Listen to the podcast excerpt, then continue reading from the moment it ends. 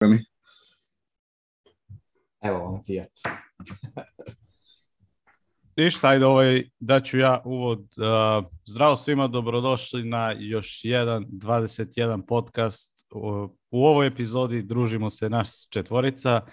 Sa, pored standardne ekipe mene i Pava, tu su sada Matija i Braž, pa dobrodošli Matija i Braž, oni su uh, dakle, domaćini 21 podcasta samo Bitcoin filozofije, tako da danas smo rešili da udružimo snage i da pokrijemo neke nedeljne teme, pošto ima, boga mi, svašta se nešto dešavalo, do, dotaći ćemo se i filozofije malo, a i ovako nekih vesti. Pa evo, dobrodošli Matija i Braš, kako ste?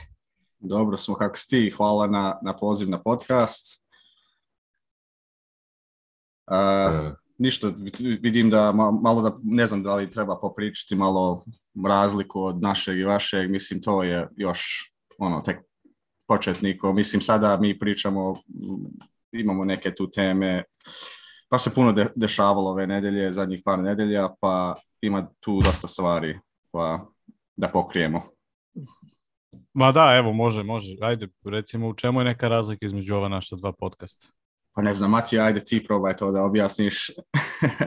ne, bi, ne bi, mislim, to je još, kako bi rekao, uh, to se još stvara te ideje, takva stvari, takve stvari, ali ja i Matija, mislim, mi volimo da uđemo u, u duboko u neke teme i da, um, ne znam da li bi to ti zvao filozofija ili šta bi, um, ali nekako malo drugačije, ne pričamo toliko od, on, ono, vijesti i takve stvari, nego uđemo u neku specifičnu temu i tako probamo da pričamo o svakoj nekakvoj perspektivi. Um, ali inače, meni je to sve lagano, možemo i ubaciti i ono, obične vijesti i takve stvari.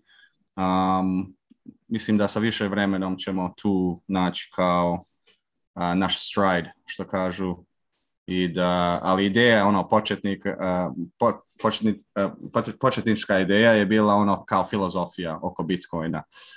Um, i sve da se vrti oko toga, onda znaš da to sve vuče u, u druge neke teme, ekonomske, tehnološke i takve stvari. Da, da. Uh, ja osobno imam mali problem sa tom idejom da to zovemo Bitcoin filozofija, jer je da, jako, ja. jako pretenciozno i jako je ovaj, e, ne znam niti koliko je to privlačno ljudima, pa bih htio, mislim, jasna stvar je da se tu radi kao nekakvim e, više evergreen temama možda ili, ili implikacijama na naše živote, mm -hmm. ali svakako moramo svi kolektivno naći neko bolje ime, jer filozofija, šta ja znam, mislim, ne znam, e, Bitcoin lifestyle, Bitcoin pitanja i potrage, ne, nemam pojma, e, potraga za, za odgovorima. Sve to je izuzetno pretenciozno. Ja volim o sebi razmišljati kao filozof, ali to samo u privatnosti svog doma. Ovako, ovaj, e, kad, sam, kad sam eksponiran e, stotinama, tisućama, milionima ljudi koji me gledaju svaki tjedan, jednostavno je, ne znam, samo prozvani filozof, ne znam, to je, to je ovako opasna stvar koje su razlike? Pa mislim, razlike su jasne. E, momci petkom, Pavao, Pavla, Nikica pričaju o aktualnim, važnim e, stvarima koje se tiču svih nas, a Braž, ja i ti pričamo o nekakvim stvarima u oblacima koje realno nemaju puno veze sa stvarnosti. Ali eto, lijepo nam bude, e, provedemo sat vremena skupa, razmišljamo i i nadamo se da će neko drugi stati i zapitati se minutu, a zaista niko nije o toj temi rekao nešto tako kvalitetno. E, da, e, ja, ja imam neke ideje da bi, da bi e, to, to trebao biti nekakav outlet naš da, da isprobavamo e, različite teme i različite formate. Na kraju krajeva cijela ova, cijeli ovaj projekt postoji koliko, dva mjeseca. E, tu smo na početku. Evo, prebacili smo e, taj naš filozofski podcast na utorak, čisto da imamo dva, bolji, bolji tjedni ritam. E, ne znam, ne znam. Ja se slažem, šta, šta, potpuno se slažem sa, sa tim. Mislim, inače mi smo to krenuli da nešto uradimo, da nekako jedan korak napravimo i vidjet ćemo kako će to da se da napreduje i, i tako mi ono testiramo, probamo da vidimo šta može, šta neće, šta volimo i tako. I vidjet ćemo kako će to biti i samo dalje. Da. Pa da, ovo je nama svima eksperiment, e, pa ćemo videti. Znači, ako svi mi iz ovoga nešto naučimo, malo uspemo da porastemo u nekom smislu, super ako uspemo da dovedemo ljude i damo i njima slobodu da i oni rastu, da uče, onda još bolje, tako da to je neka ideja ovaj, cele ove priče a hoćemo da krenemo. Pavo, si spreman da ovaj, krenemo odmah o makroekonomiji? Go, go, go. Ajmo, ovaj, ne znam da li ste videli ovaj tweet, pošto je nama Nikica ovaj, pripremio ovaj super agendu. ja i Pavo nismo baš nešto ovaj, što se toga tiče. Bez Nikice da bi ovaj najbolje. Podcast...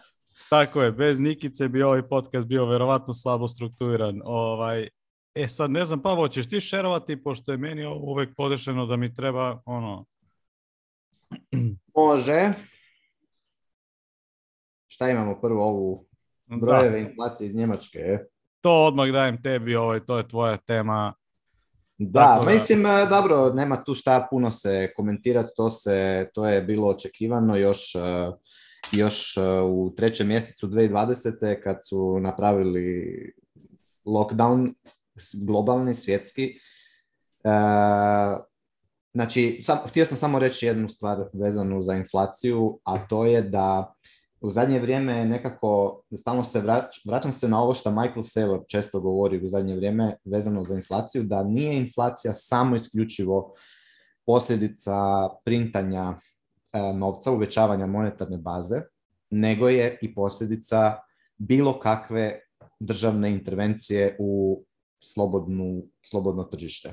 Znači, ako, je, ako tebi država kaže, i recimo, da, na primjer, da ti imaš kafić ili restoran, i država ti kaže, možeš imati otvoren restoran samo u četvrtak, sve ostale dane moraš imati zatvoreno, zato šta, pa, šta god, saving lives, ti jednostavno moraš, ako hoćeš ikako na bilo koji način uh, eh, održati poslovanje, moraš dignuti cijene drastično za to. Znači, svaka intervencija države u bilo što diže cijene, uzrokuje inflaciju.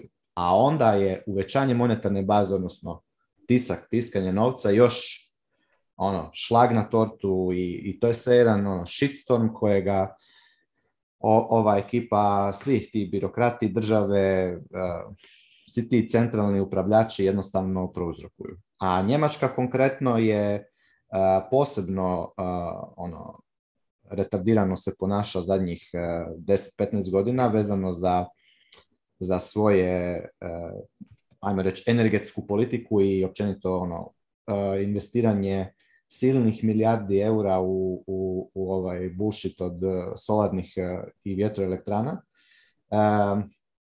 i, i gašenje, recimo u 11. i 12. mjesecu lani su, mislim da su ugasili praktički sve nuklearne e, ove ovaj, elektrane, to je bilo tad onako aktualno, sjećam se da su ono, izletavali ti e, napisi, natpisi o tome kako u biti se Njemačka ono ide na taj e, zelenu, bullshit zeleni e, ener, energiju i evo, to, ovo, ovo je sada ono, sukus e, posljedica svega toga i mislim,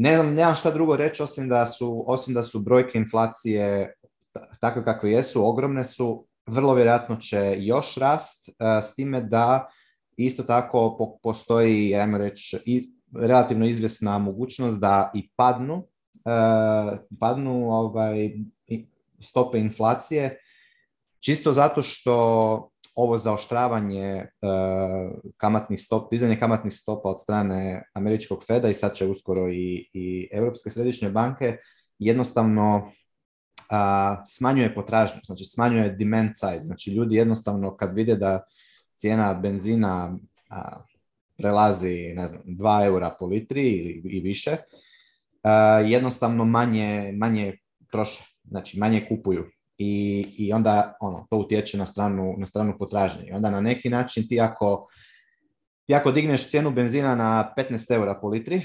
ultimativno imaš drastični, drastični pad potražnje. I, ovaj, i ajmo reći na ta, tako na neki način će se i možda i moć uh, eh, uh, eh, stabilizirati, odnosno umanjiti stope inflacije, i jednako tako a, a ono što je isto u korijenu državnih eh, politika i te propagande pro, protiv a, fosilnih goriva, odnosno ugljikovodika i protiv mesa, e, su ono, ideja je da se ljude uvjeri u to da nije dobro za njih da, da troše e, velike količine energije i nije dobro za njih da se hrane sa, sa, sa mesom, jer e, u biti ako, ako padne potražnja za fosilnim gorivima i za mesom, onda će pasti i inflacija u tim, u tim stvarima. E, to su recimo stvari koje se, koje se ne mogu tako lako uh, proizvesti u ogromnim količinama, uh, ono, industrijski, ali da, to, su, to je nekakav ono komentar, ne znam sad, možemo se ubaciti, slobodno se vi uh, e, koji imate kakvu još Stav. Ja, ja imam ovaj pitanje, da li verujete u brojke koje država ovaj daje u vezi sa stopom inflacije evo prvo to, onda bih volio recimo Matija da čujem njegov komentar na, na o, trenutno o baš ove konkretne brojke koje nam dolaze iz Nemačke. Mislim, ja osobno vjerujem u, u brojke jer stvar u tome što države, pa mislim, nije da oni lažu u brojkama, nego je samo stvar u tome šta oni mjere. Znači, ukoliko recimo gledaš, na primjer, stop, e, kako su mjerili inflaciju u 70. godinama ili u 80. godinama e, prije, a onda su recimo u potrošačka košarica je na primjer imala više, više imala crvenoga mesa, imala, već, je, već je bio udio energenata, već je bio udio uh, stamben, ono, stanovanja. Danas je to manje. Znači oni, oni recimo mogu ono, kuhati te brojke donekle tako da kažu, ne znam, evo sad umjesto da, umjesto da konzumirate, ne znam, dnevno 200 ili 300 grama crvenog mesa, sad ćemo vam staviti da ono, konzumirate, ono, potrošačka košarica je možda 50 ili 100 grama crvenog mesa, a ovo ostalo je, ne znam, slađ od, od soje, jer to je kao isto. Jer to kažu naši državni ovaj, eh, stručnjaci da je to u biti isto, eh, ono, samo što je ovo jeftinije puno. Tako da, kako oni mjere, nije, da, nije sad da oni izmišljaju brojke, nego je pitanje šta mjere. Ako gledaš e, čisto ono, barel nafte ili e, cijene nekretnina, tu se vidi, ili cijene imovine od vrednostnih papira, tu se vidilo odmah hiperinflacija, čim su 2020. krenuli u, u, u pumpanje. Odmah je bond market i ono, i stock market se ono, samo se skočio gore. Ali ovaj, a ove, ove ajmo reći, potrošačke stvari su imaju delay dok se, dok se dođe do inflacije. Samo sam još htio spomenuti da vezano za inflaciju, ono što još moramo vidjeti i što još uvijek nije se, nije se nije došlo na, na cijelo tržište, nisu došli efekti ovih uh, lockdowna u, u Kini, u Šangaju i, i to se skupa i taj uh, ono, ti svi brodovi tamo što, što su stajali, što još uvijek ne ne znam, pitanje je šta se točno događa, ali ono što smo mogli vidjeti je da je ono teški shitstorm i to se još mora preliti po, po, ovaj, po ekonomiji, tako da da, nema baš nekog, iz, nije izvjesno da će ovo baš jako brzo a, stati. E, to je moj komentar, sa slobodno vi se uključite. Samo jedan detalj što sam htio reći, ovaj, ovaj um Uh, PPI, to ti je taj price producer index, to ti je inflacija za ovi uh, proizvodače i takve stvari. Znači tu prvo inflacija udari i onda dođe do običnog čoveka posle toga, zato sve te proizvode koje oni prave poskupi, poskupi im uh, koliko košta to sve da se proizvodi i onda to se jednostavno prebaci na običnog čoveka. Znači ti kad vidiš ove brojeve 33% šta bi, a, uh, ti znaš da će to, kao što si rekao, da se prebaci, ne znam kako brzo, ali to će istići običnim uh, ljudima. Zato da svaka kompanija treba energije i takve stvari da funkcioniše, pa eto, i to će da se, to je zato uvijek vidiš te veće broje u, u PPI uh, prije nego što udari taj CPI, um, producer protiv consumer još moram ja dodati jednu samo stvar uh, vezanu za inflaciju i za, uh, za kako, će, kako se ona manifestira na kraju na krajnjeg potrošača, konsumera. Uh, to je nešto što je isto ova Lynn Alden je par puta to u zadnjih, zadnjih podcastima što sam slušao spomenula. Znači, inflacija se može manifestirati jednostavno po ono, ti dalje imaš stvari za kupiti u dućanu ili šta god već želiš kupiti, samo što su puno više cijene. Ali isto tako u jednom momentu se se inflacija može manifestirati kao jednostavno nešto, nestašica, shortage toga nečega. Da. Znači, um, jednostavno proizvođači ne, ne mogu proizvesti to što bi inače proizvodili zbog eh, previsokih cijena uh, inputa u proizvodnji, jel? I, i zbog ono, jednostavno stvari što ne mogu, što ne, ne mogu ih proizvesti. Ja znam jer smo kad smo tiskali ovu knjigu uh, od Seyfedina tu uh, u Hrvatskoj, E, jedan dio toga, tih 10.000 komada. To je bilo u, još u 12. mjesecu kad smo počeli tisak.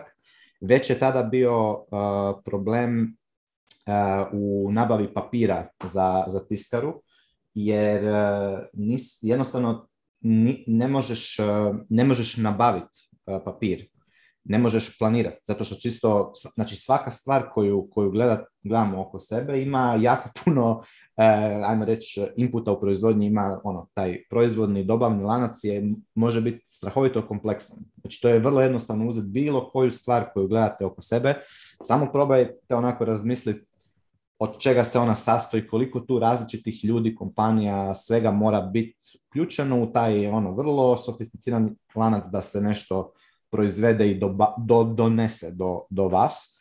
I onda, kažem, u jednom momentu inflacija može jednostavno prekinuti e, kompletnu proizvodnju i ona se manifestira, nema, nema, nema, nema toga šta želiš kupiti, nema jednostavno za, za kupiti. I to je isto jako, jako neugodna, a, neugodan događaj koji kojiš ti možda i možeš, ti možeš i želiš platiti više, 20, 30, 50% više nego što bi inače platio za tu stvar, ali jednostavno nema za kupiti. Tako da to je ono, prilični, prilični problem. Ali, mislim, sve to ultimativno se, ovaj, će se riješiti, ali umeđu vremenu ćemo morati stisnuti stisnut zube. Da, da. E, Matija, ne znam, jesi imao neki komentar na to, pa onda da pređemo možda na sledeću ovu temu? Pa vidi, e, Pavo je zapravo objasnio e, e, isto moj odgovor na, na Pavlovo pitanje oko broja inflacije. Da, to nije lažan broj, samo su inputi u taj broj. Znači, taj broj je derivat nekih inputa koji, koje vlada ima pravo, ajmo reći, ili si uzela za pravo mijenjati po potrebi iz godine u godinu. E, čitao sam neke absurdne stvari da recimo kad indijska vlada računa inflaciju, da računaju u potrošačku košaricu e, video rekordere i takve stvari. Znači, ono, robu koja se ne kupuje zadnjih 30 godina, ali eto, zato što se ne kupuje, nema inflacije i samim time se stopa inflacije u konačnici smanjuje. E, mislim, Ili recimo Matija, Da, Matija, recimo potrošačka košarica za, za tebe, na primjer, po preporuci Svjetske zdravstvene organizacije i piramide hrane je ono, u bazi piramide su žitarice i te stvari, a i tu je još uvijek, ajmo reći, inflacija je niža nego, nego ako ćeš jest eh, bazirano na, na, na mesnoj uh, prehrani. Tako da, da, sve da. je to samo stvar šta, šta ćeš mjeriti. Onako ćeš jest uh, travu, onda ti inflacija nema nikakve praktički efekta na tebe. Ali ako ćeš jest uh, i steak ili ono, janjetinu, a vidit ćeš inflacija će biti velika. Jel? Ako ćeš ići pješke i hodat ono ko, ono, ko srednjovjekovni ono, kmet, Uh, i nećeš koristiti e, ugljikovodike, nećeš imati veliku inflaciju. Ne? Mislim, to je cijela ideja ovih uh, globalista, da, da te da. uvjere da je dobro da, da, da živiš kao neki ono, ko čimpanza u džungli. Jel? Mm. A, da. da, mislim da je ideja da, da, da, da se repetirano kroz bilo koju metodu uspostavi ideja da uh, eksperti imaju kontrolu i da eksperti znaju što je najbolje za nas, a problem sa jedan od velikih problema sa Fiatom i Fiat novcem, pa eto sad vidimo to kod inflacija, što ljudi uopće nemaju percepciju, eh, ispravnu percepciju bih rekao. Mi kad, kad, kad vidimo efekte inflacije govorimo da su stvari poskupjela, a ja bih rekao da je ispravna perspektiva da je novac pojeftinio, eh, jer eh, proizvodnja mnogo stvari, na primjer riba i steaka kojeg si naveo, ne vjerujem da je opala drastično u zadnjih godinu dana da bi se da bi opravdalo udvostručenje cijene. Nego je vjerojatno tu neki drugi faktor, vjerojatno je supply chain cijeli ugrožen. E, ali isto da komentiram e, pa ono što si ti spomenuo tu nekakvu evropsku ne znam kako bih to nazvao e, e, to, to neki, neki bitcoineri zovu LARPing e, gdje se ovaj svi pretvaraju da e, rade stvari za naš dobrobit, za našu dobrobit i našu budućnost, kao na primjer taj ESG pokret, environmental pokret, primarno koji e, je produkt e, razmaženih razmaženih ljudi, razmažene generacije. E, mislim da su pitanja poput energetike i energije koja je ono osnovna stvar za naš, naš život trebaju biti pragmatična pitanja, ne pitanja političkih bodova ili emocija koje neko ovaj, ima oko stvari. Spomenuo si Pavao kako Njemačka gasi sve svoje nuklearne elektrane, ugasili su ih u zadnjih 10 godina hrpu. Trenutno Francuska ima više od pola svih evropskih nuklearki, dok Njemačka, ja mislim, na zadnje tri i planiraju do kraja godine ili do kraja, do kraja desetljeća, ne znam točno, ugasiti se ostale. Sjećam se još prije 10 godina, 11, kada je bila ona katastrofa u Fukushimi, kako je njemačka vlada dobivala političke bodove tako što su počeli gasiti nuklearke za našu sigurnost. I samim time, s tim neozbiljnim pristupom, sve više i više se geopolitički ovisi na provajdere prave energije, provajdere plina i, uh, i, i, i nafte, što danas u 2022. uslijed sankcija, uslijed rata, E, Europa se nalazi u pred, da budem jako pesimističan, možda najvećom krizom u svojoj modernoj povijesti. E, SAD će se polako, imam dojam, povlačiti e, i postati više interno orijentirana nakon hegemonije od drugog svjetskog rata na ovamo. Možda je ovo trenutak kada će taj ne, nekakav e, jedna, jedna super, super sila zapadna nakon pada SSSR-a što je ostala, napokon, napokon dolaze istočne sile koje im se mogu suprotstaviti, što je jako lijepo ako čitaš povijesne knjige, ali ako živiš u trenutku kada se to događa, ljudi su ti koji najviše pate. E, I da se vratim na tu poantu kako pitanje energije treba biti pragmatično pitanje, a ne političko pitanje. E, znači, ta fosilna goriva ili, ili ugljiko, ugljikovodici, e, to je definitivno nešto što je najefikasnije e, gorivo za našu civilizaciju koje, koje imamo. E, nitko tko je proponent tih goriva neće reći da je to jedino i konačno gorivo. Vjerojatno postoji bolji način. Ja smatram osobno da je nuklearna energija daleko bolja. Na kraju krajeva iskoristivost nuklearnog goriva je oko 2 do 3 puta veća nego iskoristivost fosilnih goriva, a pet ili šest puta veća nego iskoristivost solarnih panela ili e, e, vjetrenjača. Da ne govorimo da postoji ta četvrta generacija nuklearki koja, koja je, znači to su reaktori koji su vrlo modularni, mogu biti vrlo mali da napajaju, e, toliko mali da mogu napajati jednu zgradu što samim time se nekakva opasnost od koje se ljudi boje, opasnost od katastrofe se drastično smanjuje.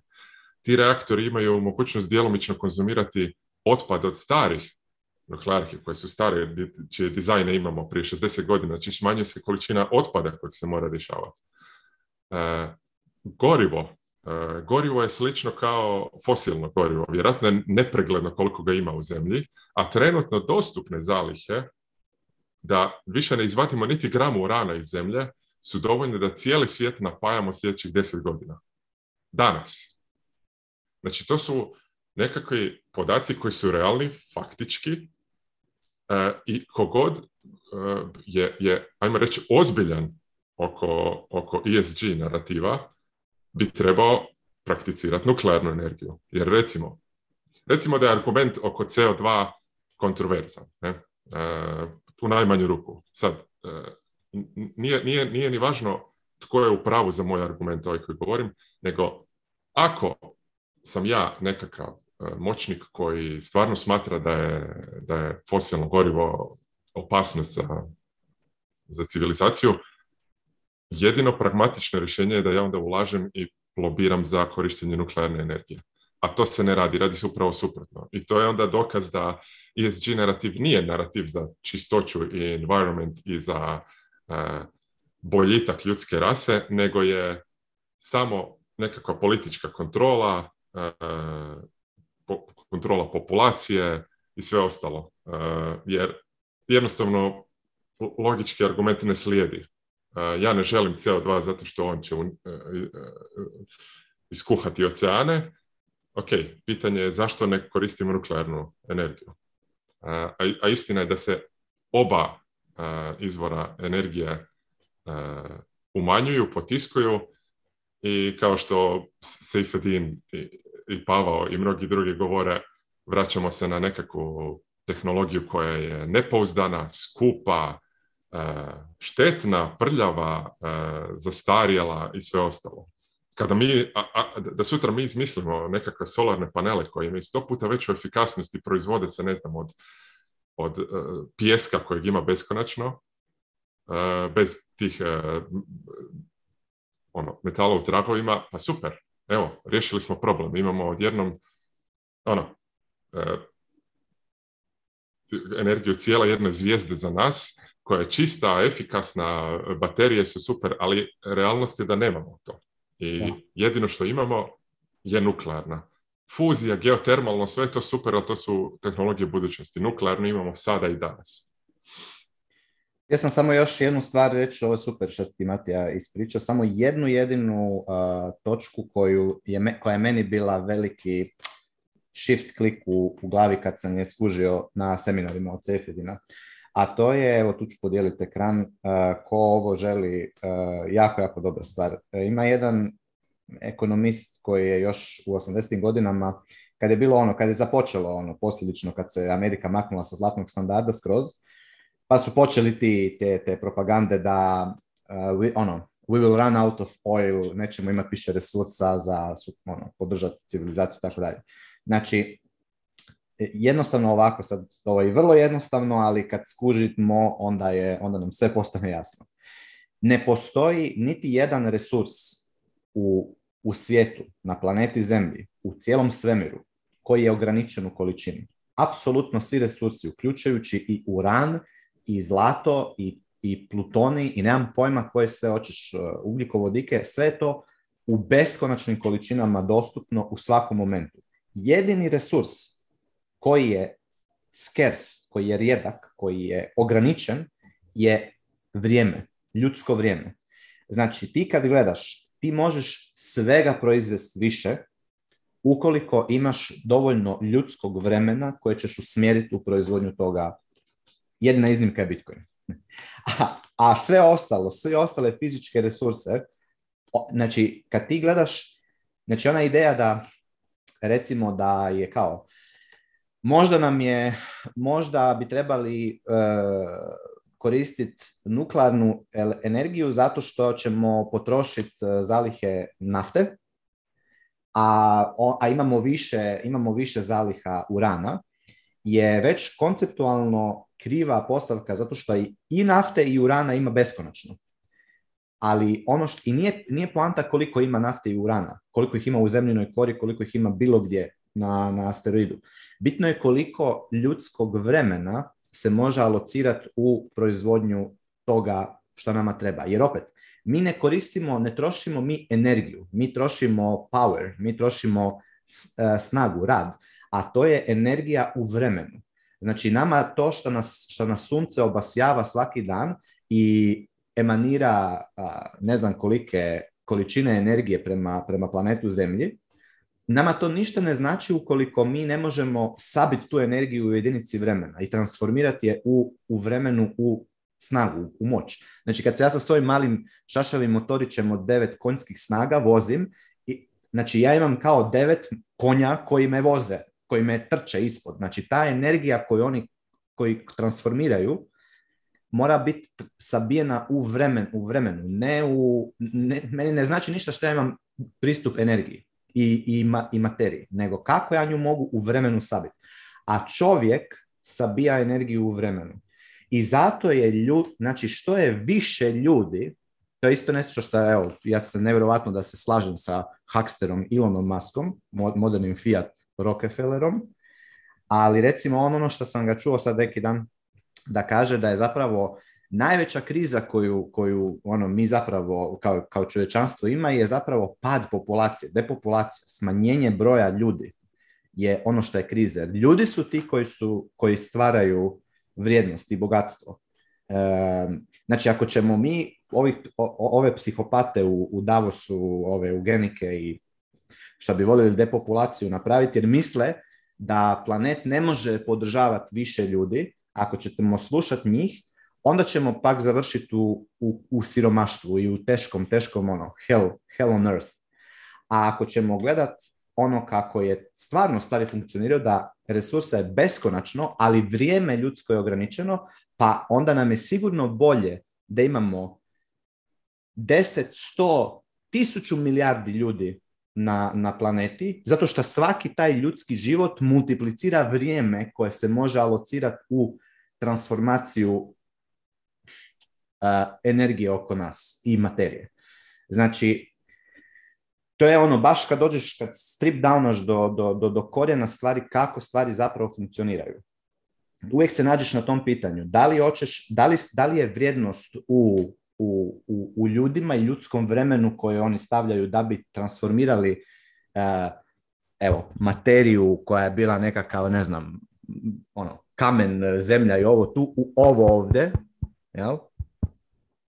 jel? šta ima ne znam koliko različitih minerala, metala i, i, i ljudskog vremena i ingenioznosti u, ono, stavljeno u to, ili je, ili je vrijednost, e, ne znam, netaknuta priroda, bez, bez čovjeka. Znači na to se ultimativno svodi. Ovi globalisti imaju, oni misle da je općenito planet Zemlja idealno bi bilo, idealno ono, Garden of Eden bi bio da nema opće ljudi.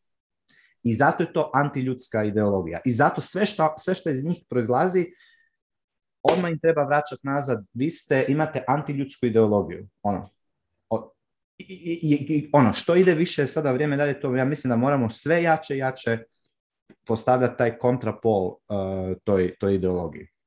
Jer njihov je marketing i njihova propaganda je strašno jaka. Tako da, evo, ko hoće ovo tu, evo, tu je bilo ono. Da li pa se, da, Ja mogu to skočiti sam da kažem dvije brze stvari i onda možda se prebacimo na, na, na Davos temu.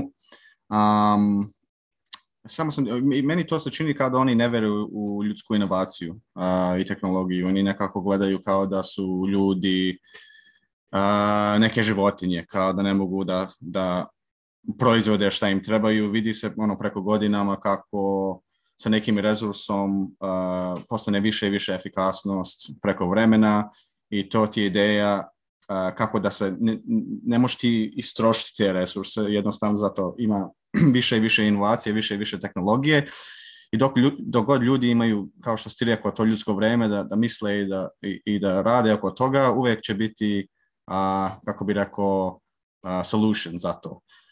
Um, I to dolazi s inovacijom i, i, i sa dobrim a, ovim incent, incent, incentives, što bi rekao. Uh, htio sam samo dodati na onaj inflation, uh, kako se to izračuna. Meni je najbolji način, kako sam vidio onaj Chapur indeks, on samo izbroji i računa uh, ono top 500 stvari što ljudi kupuju. znači te formule koje države i vlade koriste, meni je to sve smeće. Samo pogledaš šta ljudi kupuju i onda tu le, lepo možda pogledaš kolika je inflacija. Mislim da ste brojeve na tvojoj stranici nisu se azuzirali za njih, ne znam, dvije, tri godine, a što sam ja vidio do 2019. to je sve bilo preko 10% u svakom gradu uh, u Americi. A ona inflacija koja država ti kaže, oni ti kažu 1, 2, 3%. Znači, to je veliki, uh, kako bih rekao, tri puta veće, četiri puta veće. Um, a mislim da je ovo dobra tema da se prebacimo sad na ovaj uh, Davos 20, uh, 2022. Ne, ne znam i, i uh, protiv kao kontrast uh, ovaj Oslo Freedom Forum. Uh, koji se sad dešava isto vreme, meni je to nekako smešno. Um, I možemo da malo uskočimo u to. Uh, znači, ti globalisti svake, ne znam, svake godine oni se snađu i imaju, ne znam, nekakvu konferenciju i, i, i izgleda da plate policiju, ne znam, nija, i oni stavljaju neke uh, uh, World Economic Forum kao badges na policiji. Meni je to bilo baš, baš neko, nekako čudno. Um, i onda veliki kontrast protiv što se dešava u Oslo, uh, gdje nekoliko bitcoinera su se snašli i ono baš izgleda da im uh, ima onaj tweet koji uh, Sergej Kotliar je napisao, kaže I think the greatest trick Gladstein pulled this week wasn't showing Bitcoin at the Oslo Freedom Forum, it was showing the Oslo Freedom Forum to the Bitcoiners.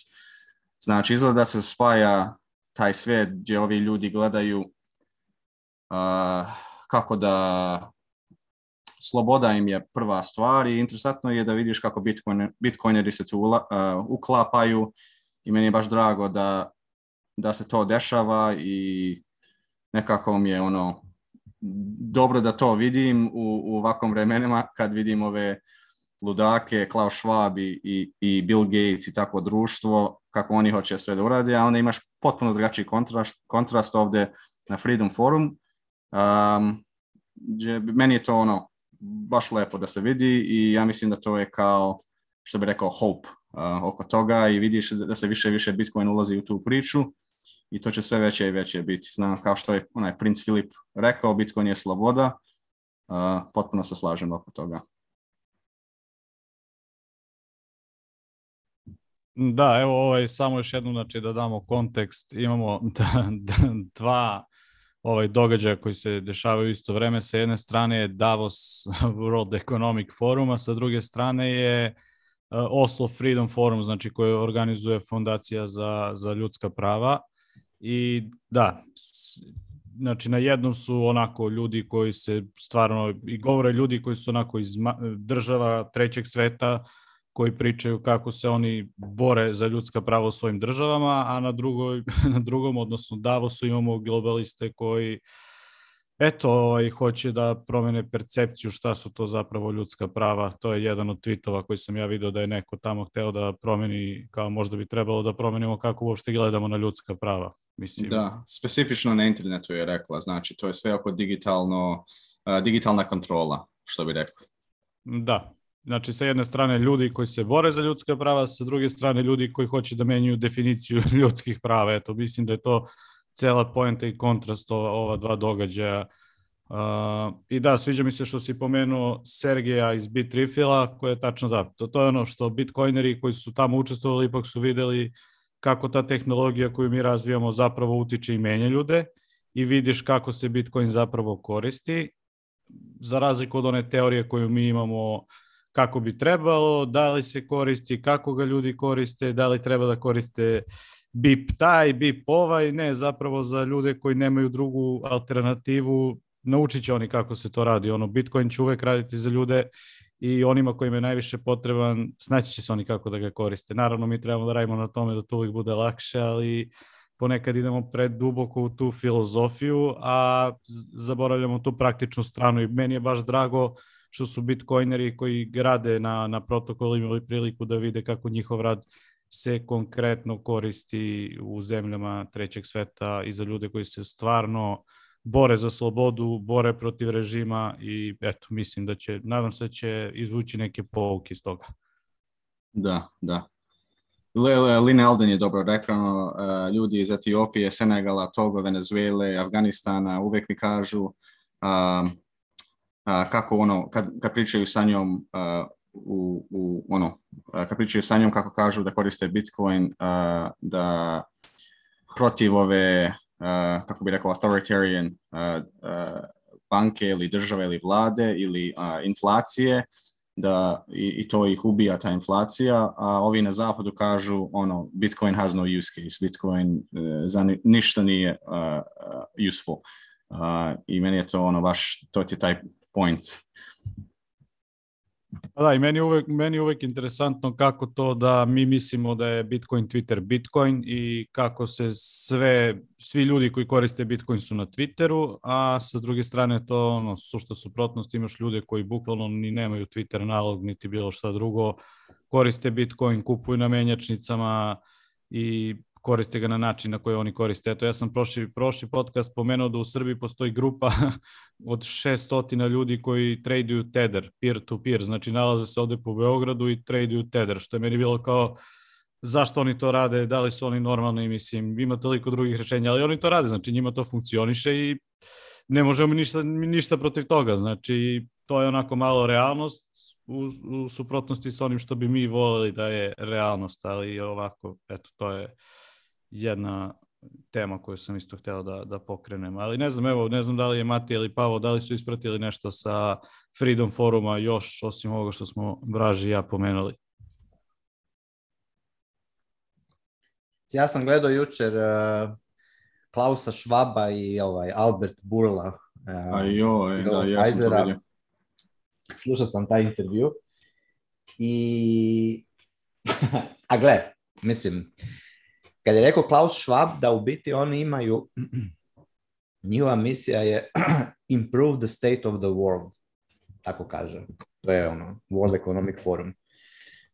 A, a Albert Burla i Pfizer su ono, saving lives. Da nije bilo njih, um, koliko bi ljudi umrlo. e sad, e sad, znači, um, ja mislim da jednostavno ne možemo, a, znači tu, ne, tu jednostavno čak i nema smisla ulaziti u, u neke argumente, jer, jer jednostavno sve, sve temeljne, temeljne postavke a, načina razmišljanja tih ljudi su krive, a ja i dalje vjerujem da nemaju oni lošu namjeru, Ni, mislim na lošu namjeru. Znači to ti ono, um, to su jednostavno ljudi koji, koji koji zbog situacije po meni u kojoj su se našli u životu, a to je sve, gdje su se ono rodili, odgojili, u kakvoj okruženju obitelji, u ka, ono, s kakvim bogatstvom i tako dalje, jednostavno imaju e, kao da na neki način kao da je svijet, kao da je svijet njihov e, i, i ljudi su njihovi, ko ono, ko ovce, ko da ima sad tada ovaca i, i ono, um, i čuvam ih, ne, ali problem je u tome što ljud, čovjek nije ovca. On može odabrat biti ovca, figurativno, ali u suštini razlika između čovjeka i ovce je u tome što se čovjek može promijeniti. Čovjek može odabrat slobodnom, slobodnom voljom da ne bude ovca. A, a dok god ljudi sami po sebi odabiru da budu ovce, odnosno da, vjer, da jednostavno prepuštaju odgovornost za slobodni odabir nekome ko će se brinuti za njih i improve the state of the world i spašavati njihove živote, kao što su Schwab, Burla i ta ekipa Bill Gates to, e, dotle e, će biti ono, e, što bi rekli, naguzit će ih ta stvar. A ja znam jednostavno puno, isto, znam puno ljudi koji, koji vjeruju još uvijek tim, tim ekspertima i autoritetima. I ti kad njih slušaš realno, Uh, nisu to glupi ljudi. Uh, imaju oni puno, to, to, to, te može vrlo lako cijela ta njihova paradigma onako nekako uh, zapravo i uvjeriti da, da, da, je to dobro što oni rade. Evo sad su recimo rekao ovaj Albert Burla, mRNA tehnologija e, cijepiva koju su ono sad eto e, super stvar sa koronom je bila da mogu da su to malo vidjeti, ali to će sad biti super, to će sad riješiti rak, cancer, riješit će, nemam pojma šta sve ne još. E, sve ćemo mi se ono izlječiti, e, sve naše probleme sa, sa, sa spas, spasiteljem Pfizerom i mRNA cijepi, cijepivima.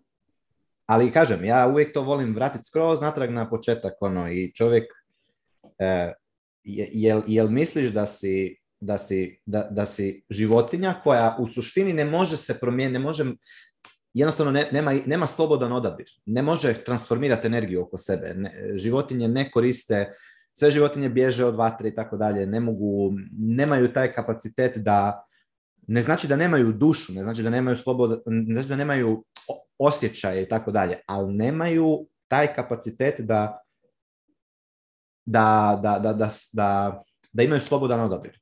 Ako vjeruješ da, da čovjek ima slobodan odabir i da, ajmo reći, neka vrsta ko kreatora ovoga kozmosa i čega god već, e, onda ono, zašto, šta, šta, će ti, šta će ti ta ekipa uh, psihopata? Licemjenih, by the way, koji jedna, znači jedna pravila opet vrijede za njih, druga pravila vrijede za, za stoku, populaciju, ne? Znači oni mogu, oni mogu, oni mogu letiti, oni mogu koristiti ugljikovodike, jer to je njihovo opravdano, jel? Oni mogu letiti sa privatnim avionima, ali vi ne, vi ćete, ono, 5 km u krugu eh, vozite sa električnim eh, autićima, ne znam koliko vam da kvota eh, ovih, koliko vam stave u, u, u, u vaš digitalni novčanik, račun kod centralne banke. Znači, ne znam, mislim, sve, sve je jača ta, ta, ta, ta polarnost, sve jače se vidi i jednostavno ljudi moraju se sve, sve će im više biti ono, od, odaberite, hoćete u ovom smjeru, biti ono, je, e, live in a pod, eat bugs, soju i, i, i ostali junk e, na VR-u cijeli, ono, po cijele dane i ne se kretati dalje i živit ćete, ne znam koliko, u jednoj zgradi ono, u 5-10 kvadrata, kao kokoši ili šta god hoćete drugo zamisliti šta se, šta se farma, pa će vas farmat ili ćete biti slobodni ljudi koji će se ono otkačiti i jednostavno živit u volatilnom, ali ono, slobodnom svijetu gdje transformiraju mas ogromne količine energije na Bitcoin standard. Znači, vrlo jednostavno. Ili jedno ili drugo. A, i, I to je taj, to je, to je to što se sada dešava. Ja očekujem da će svake godine taj World Economic Forum će biti još ekstremniji u svom. Znači, oni su vrlo otvoreni o tome šta, šta planiraju, šta govore. To nisu nikakve više sad zavjere, nemam pojma šta ovaj jedan onaj klip koji, koji cirkulira na Twitteru da sad ono, planiraju da mogu napraviti da točno možeš trekat svoj carbon footprint eh, svakog, svakog čovjeka od toga šta si jeo, šta si kupio, gdje si se kretao, s čime si se kretao. Znači, sve će oni tebi skorat. Jel, ono, znači, tak, to samo po meni treba poda odbaciti cijelu tu, cijelu tu njihovu paradigmu ono, od jezgre i kontrirati joj, tako da ljudi oko vas vide šta je suprot, šta je, šta je alternativa tome. Jer ako ljudi ne vide šta je alternativa tome, onda će se, ipak eventually će se nekako, naći će put kako da se priklone i kako da ostanu ono, zarobljeni dužnički robovi u, i, i, i, ljudska stoka pod kontrolom uh, psihopata, globalista koji Eh, Bill Gates kad ono ima onaj klip kad kaže kako oh, we shoot the children, oh shoot ovako, shoot, gurnem im onako i ono, uh, ono se sam napali ono od toga. E, dobro mu je rekao Steve Jobs još dok je bio živ da se da je njegov najveći problem što nije nikad niti pojeo trip, niti ništa i da ne kuži niti jednu stvar. Znači tog lika ono pa, kada je dobio onu, onu, onu tortu u glavu. Šta ćeš? Da. Ali, a, šta, mislim. Da, ja mislim da to može da se, uh, kako bih rekao, uh, samo sekund, da se pojednostavi, uh, pojednostaviti na, na, oni nemaju jednostavno vjeru u tvoju svest i tvoju slobodu. Oni misle da oni mogu najbolju odluku za tebe napraviti i nekako to neka arogancija, ne znam, arogantni su baš um, i, i tako oni misle a, a suprotno, mislim, kad pogledaš ovaj Freedom Forum, oni potpuno sa druge strane gledaju, gdje ljudska sloboda najvažnija stvar, da čovjek može da napravi a, e, svoje odluke a, i tako i mislim i kapitalizam radi da, da svi mogu, ono što si ti pričao Pavao ranije, ta ljudsko vreme, znači svi moraju da, da svoju odluku naprave, mislim ako oni sad prave odluku za tebe, onda nije to to, ni nemaš ti sad slobodu da misliš šta radiš kako hoćeš, a jednostavno mi bolje bi bio svet da, da, da svaki čovjek za sebe može da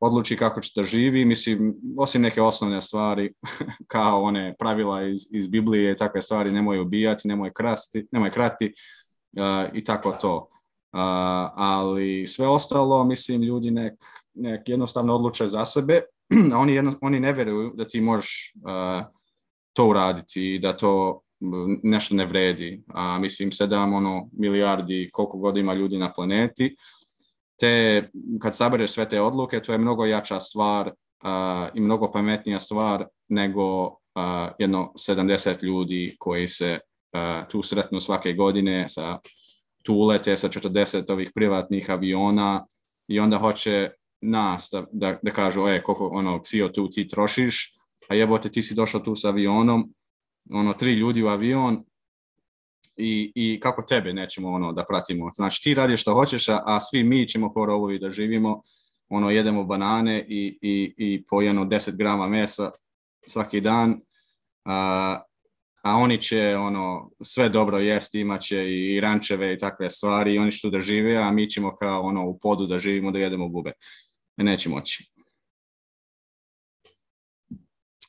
I htio sam samo da ubacim, baš dobro, ovaj HRF i Strike su, u, su ovaj 100.000 američkih ovih ovaj, dolara grant uh, dali za BTC Pay server.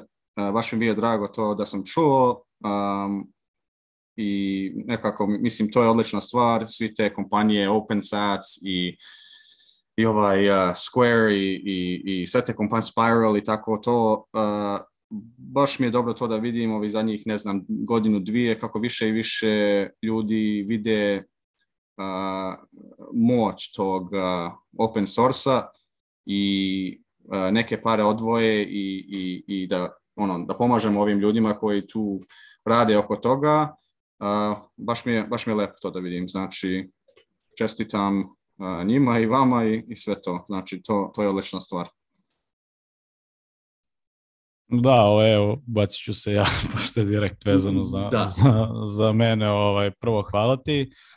Drugo, ovaj, da, BTCP je ovaj, dobio baš od strajka, to jest dogovorili smo se da ćemo dobiti, trebamo rešiti još papirologiju, ali ovaj, da, dobili smo taj iznos koji ćemo iskoristiti da preživimo narednih par meseci ovaj, taj tim od 12-13 ljudi ovaj, koji radi na BTCP-u i ovaj, biće, biće, znači nam ta podrška dosta.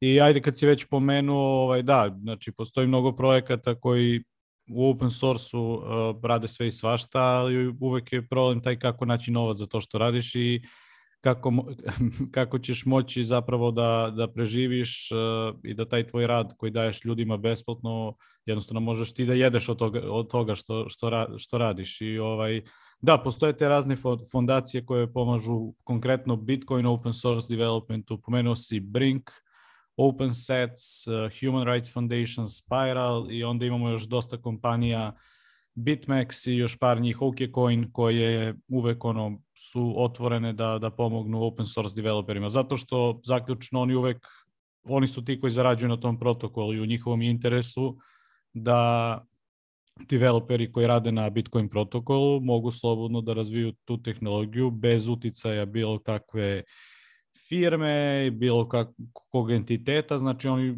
ja koliko znam, ti svi grantovi su ono, uvek oni ti daju grant i ne pitaju te i ne kontrolišu kako ti radiš i šta radiš i mislim daju ti stvarno slobodu, konkretno znam za Spiral, mislim to je moje lično iskustvo da uh, oni su srećni dok je god si ti srećan, a kad si ti srećan bolje ćeš razvijati to što, što radiš, tako da ovaj, stvarno konkretno Spiral daje dosta slobode da, da razviješ ono što voliš i mislim da je to jako bitno.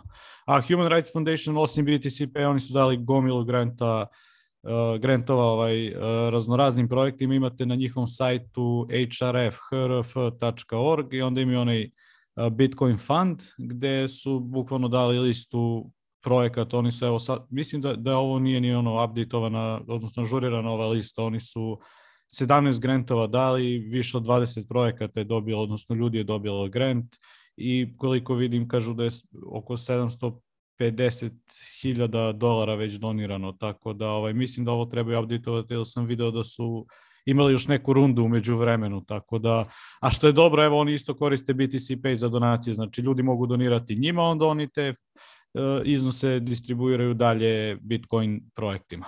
Tako da, eto, to je ovaj to.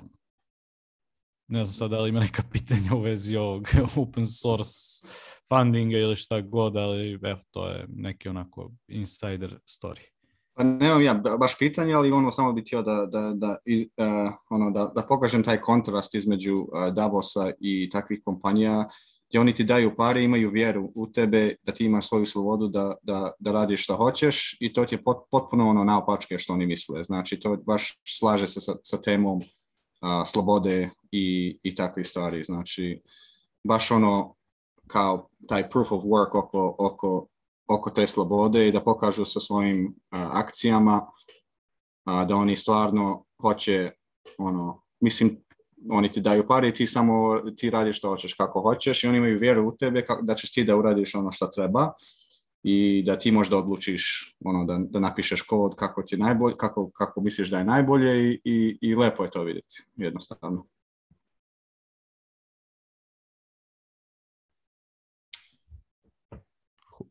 Ovaj, da, Matija i Pavo non stop menjuju ove pozadine na, na da, da, da, tako da, ovaj, da.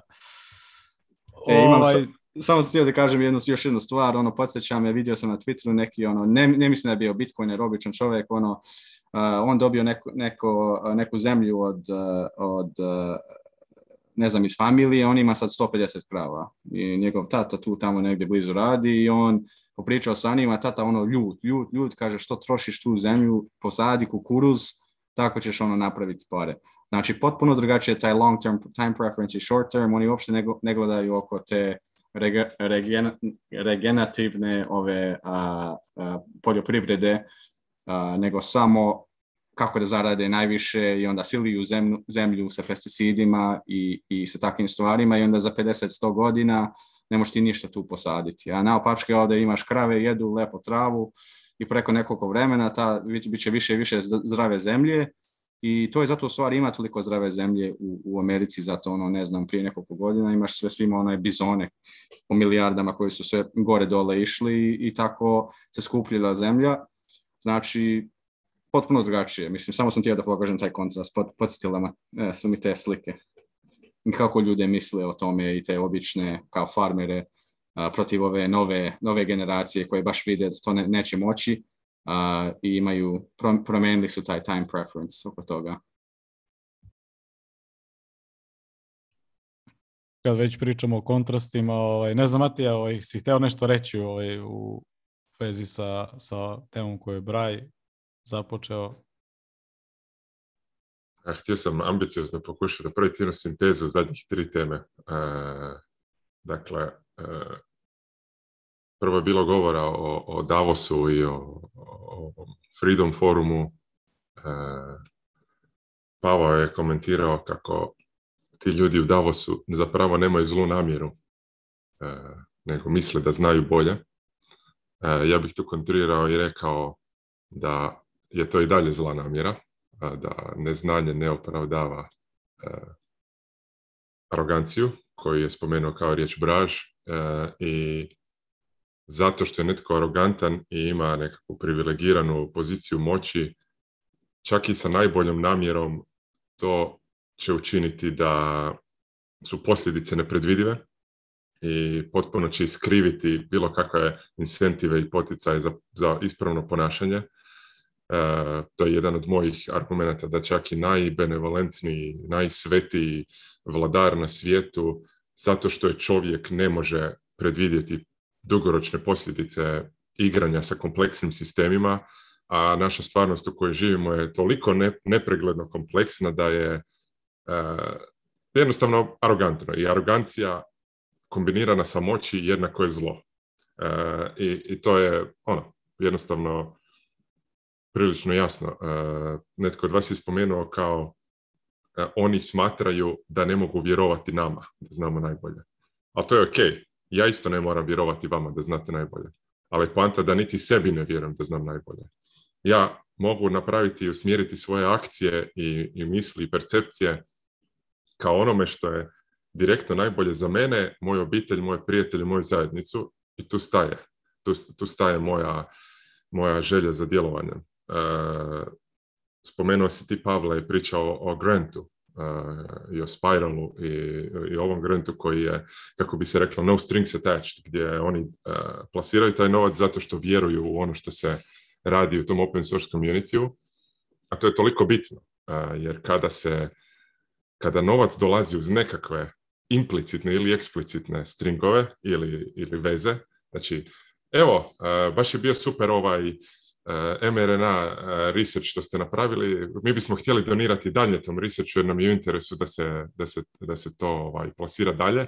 Samim time istraživači koji rade na mRNA, ako u svom laboratoriju dođu do nekakvih nal, eh, pronalazaka koji su kontra mRNA, oni imaju incentiv ili poticaj da te pronalaske zataškaju, ne spomenu, da uvijek plasiraju ono što je u skladu sa agendom mecene.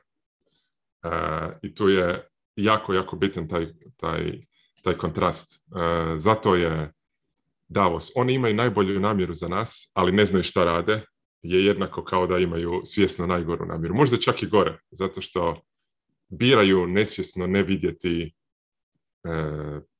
posljedice e, koje, kojih može doći. Mislim da su neki moderni mislioci puno pisali o tome gdje je cijela, cijela, cijeli pothvat moderne znanosti u krizi zbog uh, krivih poticaja gdje novac ide u istraživanja koja su u kulturalnom zeitgeistu, a zatire ona koja nisu, premda bi znanost trebala biti ne neutralna.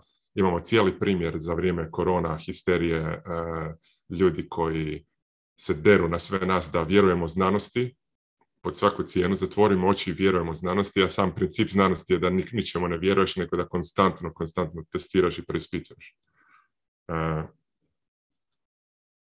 a ono što je interesantno, što je jedan mim u Bitcoin prostoru, je Bitcoin fixes this. Zato što se sve, sve je ovo proizvod uh, visokog time preferensa uh, nevjere ili manjka vjere u budućnost, e, gubitka vjere u nešto veće od nas, to što se manifestira kroz prošlost kao religija, ali ne mora biti religija, nego jednostavno neki projekt koji je veći od mojeg individualnog efekta na svijet. E, a Bitcoin je ono što omogućava možda da se vratimo u tako neko bolje, e, bolji, malo, malo ovaj, manje arogantan, malo skromni, malo čarobni svijet. Tako da, eto, opet e, nekakva e, neka filozofski spin, ali sam htio napraviti sintezu te, te dvije, dvije, tri teme koje su na očigledne povezane, ali su zapravo vrlo, vrlo interesantno povezane. Tako da, eto, to je moj komentar. Kad si spomenuo ovaj čarobni svet, ovaj, samo sam teo preći na narednu temu Bitcoin konferencija, ali ako je Pavao hteo, vidio sam da si teo Pavao nešto i ti dodati, pa ajde. Zaustio sam, samo sam htio reći vezano za gospodina Majmuna Al Alberta Burlu i kako je rekao da je Pfizer donirao uh, sve stvari. Ništa Pfizer nije donirao, nego je Pfizer, nego je država oduzela narodu novac, kupovnu moć, kroz poreze i kroz inflaciju i onda taj novac i kupovnu moć dala uh, Pfizeru i onda je Pfizer donirao. Znači, ništa tu nema nikakve uh, donacije, niti ništa. Nego je tu samo isključivo oduzimanje silom, nasiljom, pod pretnjom gun to your head, oduzimanjem osobnih sloboda i života, usmjeravanje tog novca u, u Pfizer i u ostale te e, farmakom. To uopće nisu firme koje su na slobodnom tržištu. Samo sam htio još to samo reći, nekako god još ima bilo kakvu dvojbu oko toga. Samo neka razmisli. Tko bi da, ono, koliko bi ljudi platilo svojom voljom da mu Pfizer stavi iglu u, u rame. Koliko ljudi bi, znači, odvojilo se od svog novca, znači da moraš platiti sam. To je samo pitanje kad su, oni re, kad su sve te države, države su bile te koje su potpisivale ugovor sa, Pfizer, sa Pfizerom, s čime su platile sva ta cjepiva, sa poreznim novcem, sa novcem koji su izreketarile od, od populacije. Znači, samo ono, make it clear. Prema tome, sve dalje šta, šta oni jak jakaju je ono, to je ko da ja sad dođem nekome, vidim staricu kako hoda ono u, u na, na tržnici, maznem je sa, sa ne znam čime, sa nekakvim ono, e, štapom po glavi, uzmem joj novce i onda idem, a djeco vidi ja sam vam ono donio ne znam bombone, evo igrako se na super. Tako da te, to su ma, majmuni, evo ga sad imaju manki, majmunski boginje, manki pox, to im je sljedeća. To su ljudi koji su ono, općinjeni sa, sa idejom da su oni biti samo malo inteligentni majmuni. Pa zato ih treba zvati majmuni. Ja, još samo sam spomenut ovoga, njihovog glavnog ideologa ovoga, Yuval Noar Hararija, jel? kojega ćete često vidjeti u, u ovima, u, u tim, um, ja sam prošao još davno na Coursera jedan cijeli njegov kurs, 17 jedan je trebalo, Brief History of Humankind.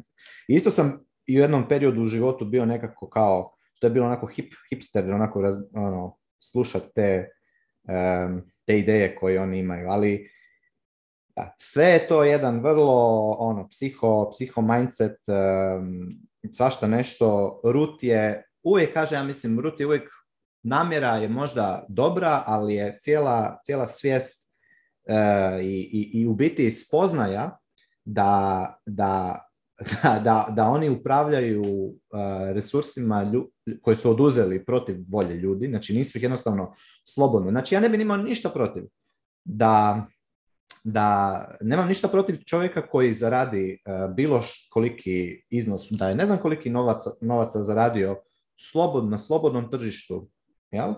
pa da ga onda daje, donira ili ne donira ili ga sam iskoristuje, nemam nikakvih ništa protiv. Samo imam protiv toga da se tu nađe netko ko će tebi oduzet silom i jer on zna bolje kako se to rasporedi. Nabi da to odmah u, u, u, u korijenu. Evo, dosta.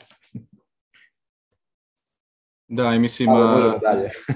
E, pa da, samo još jednu stvar da kažem, mislim to sve je dođe na temu ono don't trust verify, nemoj vjerovati nego možeš potvrditi, ti moraš stvarno da pogledaš ono istinu, to se sve kreće i, i od toku korone vidiš kako su oni uh, propagandu izbacili svakaku i onda koriste te vladske mafije, potpišu kontrakt i onda guraju sad, na primjer u Kanadi ne možeš ti putovati bez, bez te vakcine, znači ti si u stvari for, uh, forsiraju te uh, ili ćeš izgubiti uh, onu svoju slobodu koja je u stvari upisana ono u zakonu. Znači, to ne znači ni ništa taj papir više. Um, a na kraju, da, moraš ti proveriti da, da, da je to istina. Meni je smiješno onda kad sam čuo ta, tog Hararija kako priča, um, bio neki klip dva minuta, dva, tri minuta i ono na kraju nazove kaže o budućnost, neće nam trebati ono većinu ljudi, zato oni misle da će neke AI i roboti sve da rade, ne znam nija, a, imaju nekakvu veliku veru u tu tehnologiju i kada što da se spoji sa čovečanstvom i da budemo mi kao neki pola roboti, a, neko, nekako gledaju onu svest čovečanstva kao da nije, ne vredi ništa. I ja mislim da to velika greška i ona na kraju on kaže a, tih ljudi koji neće imati ni posla ni ništa, moramo mi da nešto radimo s njima, znači oni će, mi ćemo im dati kao droge i, i igrice i evo oni će biti kao uh, zombi, ono, ko da nisu ni živi. Uh, iz droge, ono, daješ im droge i oni se tu igraju i, ono, dok ne umru, ono, 40-50 godina, ne znam, nije, zaključaš se u podu i, i, i tu se zajebavaš. Uh, to ti pokaže kako, kako on misli o ljudima i, i šta on misli i kako što sve da krene.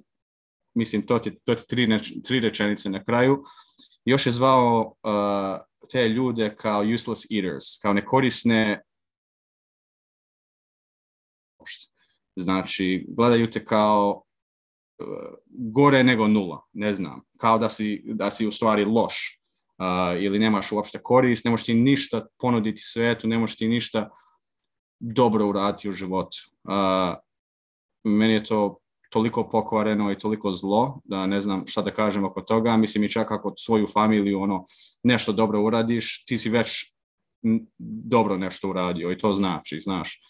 Ali oni ne, ne gledaju te tako, gledaju te ko, ne znam, neka stoka, nemam pojma. Um, e da se prebacim na ovu temu kao nemoj vjerovati, uvek potvrdi. Nekako mi je interesantno na ljudi koji nisi, nisu bili na ove Bitcoin konferencije, a, mislim, ako ti si u Bitcoin i na Twitteru, ne znam, nije, ti si sve naučio, ono, interesantno bi e, taj koncept kao, e, ne bi ni trebao vjerovati njih, ali kad stigneš na taj konferenciju, onda stvarno moraš, možeš ono, verificirati a, kakve su ljude, šta oni misle i to ti je upravo onaj a, a, akcija koju možeš ti uzeti u, u svom životu da, da e, verificiraš taj Ehm, kakvi su ti ljudi, kakvi su i ona. Ja sam bio, nisam bio baš na konferenciji, ali sam se sreo sa par nekim e, bitcoinerima i uvek se, uvek sklapam s njima, ko da sam ih znao, ne znam, nekoliko godina i slično mislimo i to je nekakav filter, ne znam kako se dešava. Uh, ima tu neke konferencije koje se dešavaju oko Evrope, ne znam, Pavle, da možemo malo pričati uh, o tome.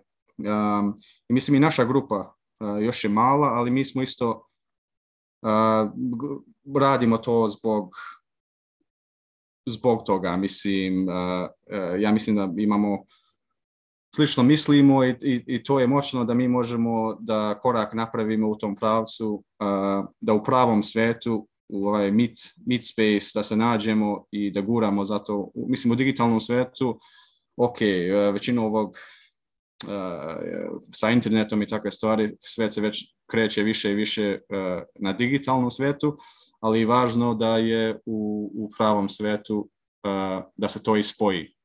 Um, meni je nekako to, to važna stvar i, i jednostavno to je ljudstvo.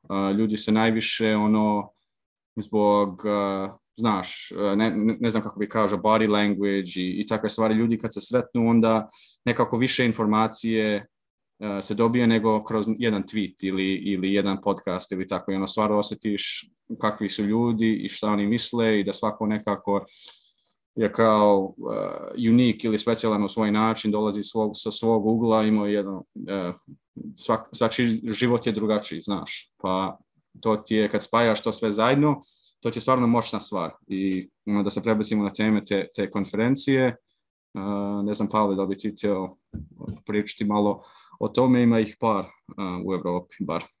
Da, ovaj, pa da, te Bitcoin konferencije zapravo nema ih baš puno, više imamo ovih shitcoin konferencija koje se finansiraju ko zna odakle i zato ih ima i više, ovaj raznorazni pump and dump šeme koje znači služe da se raznorazni shitcoini prezentuju, tako da u poslednjih dve ili tri godine imamo to, taj shift gde sve više i više konferencija tvrdi da je Bitcoin only i da je ovaj zapravo konferencija o kojoj se priča samo o Bitcoinu, pa čak i ova najveća konfer Bitcoin only konferencija u Majamiju nije baš bila Bitcoin only, znači uvek se tu nekako uvuku ti sponzori te pare koje nekako or, orga, ove ljude koji organizuju te konferencije nekako ih uvek malo poljuljaju da, da krenu u tu neku shitcoin priču. Uh, Uh, da, evo par konferencija. Prva naredna Bitcoin only konferencija je Baltic Honey Badger i ona je, ja mislim, stvarno jedna od evropskih najvećih uh, Bitcoin only konferencija. Održava se u Rigi.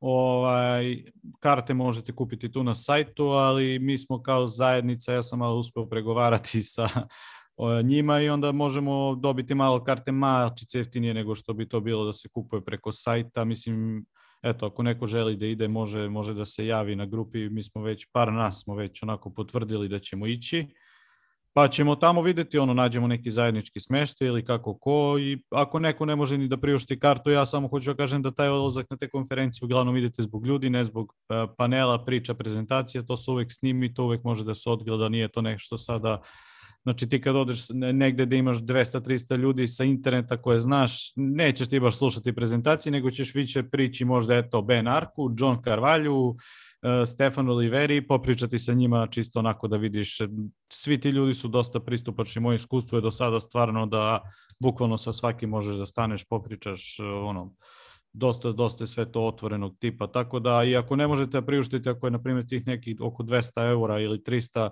veliki trošak, ja savjetujem samo nađite kartu za Rigu, neki onako skromni smešta i družite se. Jer nakon tih konferencija uvek ima odlazaka na večeru, odlazaka na piće, uvek se ljudi skupe na više različitih lokacija, tako da uvek, uvek ćete moći da, da nađete ljudi, ljude s kojima ćete da se družite. Uh, a i pre same konferencije održat će se par ovako nekih e, događaja sa strane. Ja sad nemam, e, ne mogu da podelim sada taj, ne znam gde mi je flyer, ali zapravo konferencija je od prvog do petog, zato što prvog i drugog postoje neki više onako open source eventovi gde ćete moći, ja mislim, da uđete i besplatno i da se zezate i ako možete dođite od prvog do petog. Petog ćemo imati BTC Pay Server Day, bukvalno ceo dan posvećen samo BTC Pay-u, pa ćemo tu mi malo neke prezentacije, malo će biti za zezancije piva i tako toga, uloz naravno će biti besplatan kao i u duhu open source-a, možda ćemo onako staviti neku simboličnu cenu 21 satoshi, čisto da bismo mogli ono da, da znamo koliko će ljudi doći oko, oko toga, tako da eto, mislim, ne morate kupiti kartu za taj treći, četvrti za konferenciju, bit će dosta događaja sa strane Ako ne možete da priuštite, ne, samo dođite u Rigu, bit će to dosta dobro. E, nakon toga, e, zapravo da, pre toga, za, ja sam eto malo, ovaj, imamo i Surfing Bitcoin konferenciju u Francuskoj, koja je po broju ljudi možda čak i veća, ali onako miks nekog engleskog i francuskog govornog područja, pa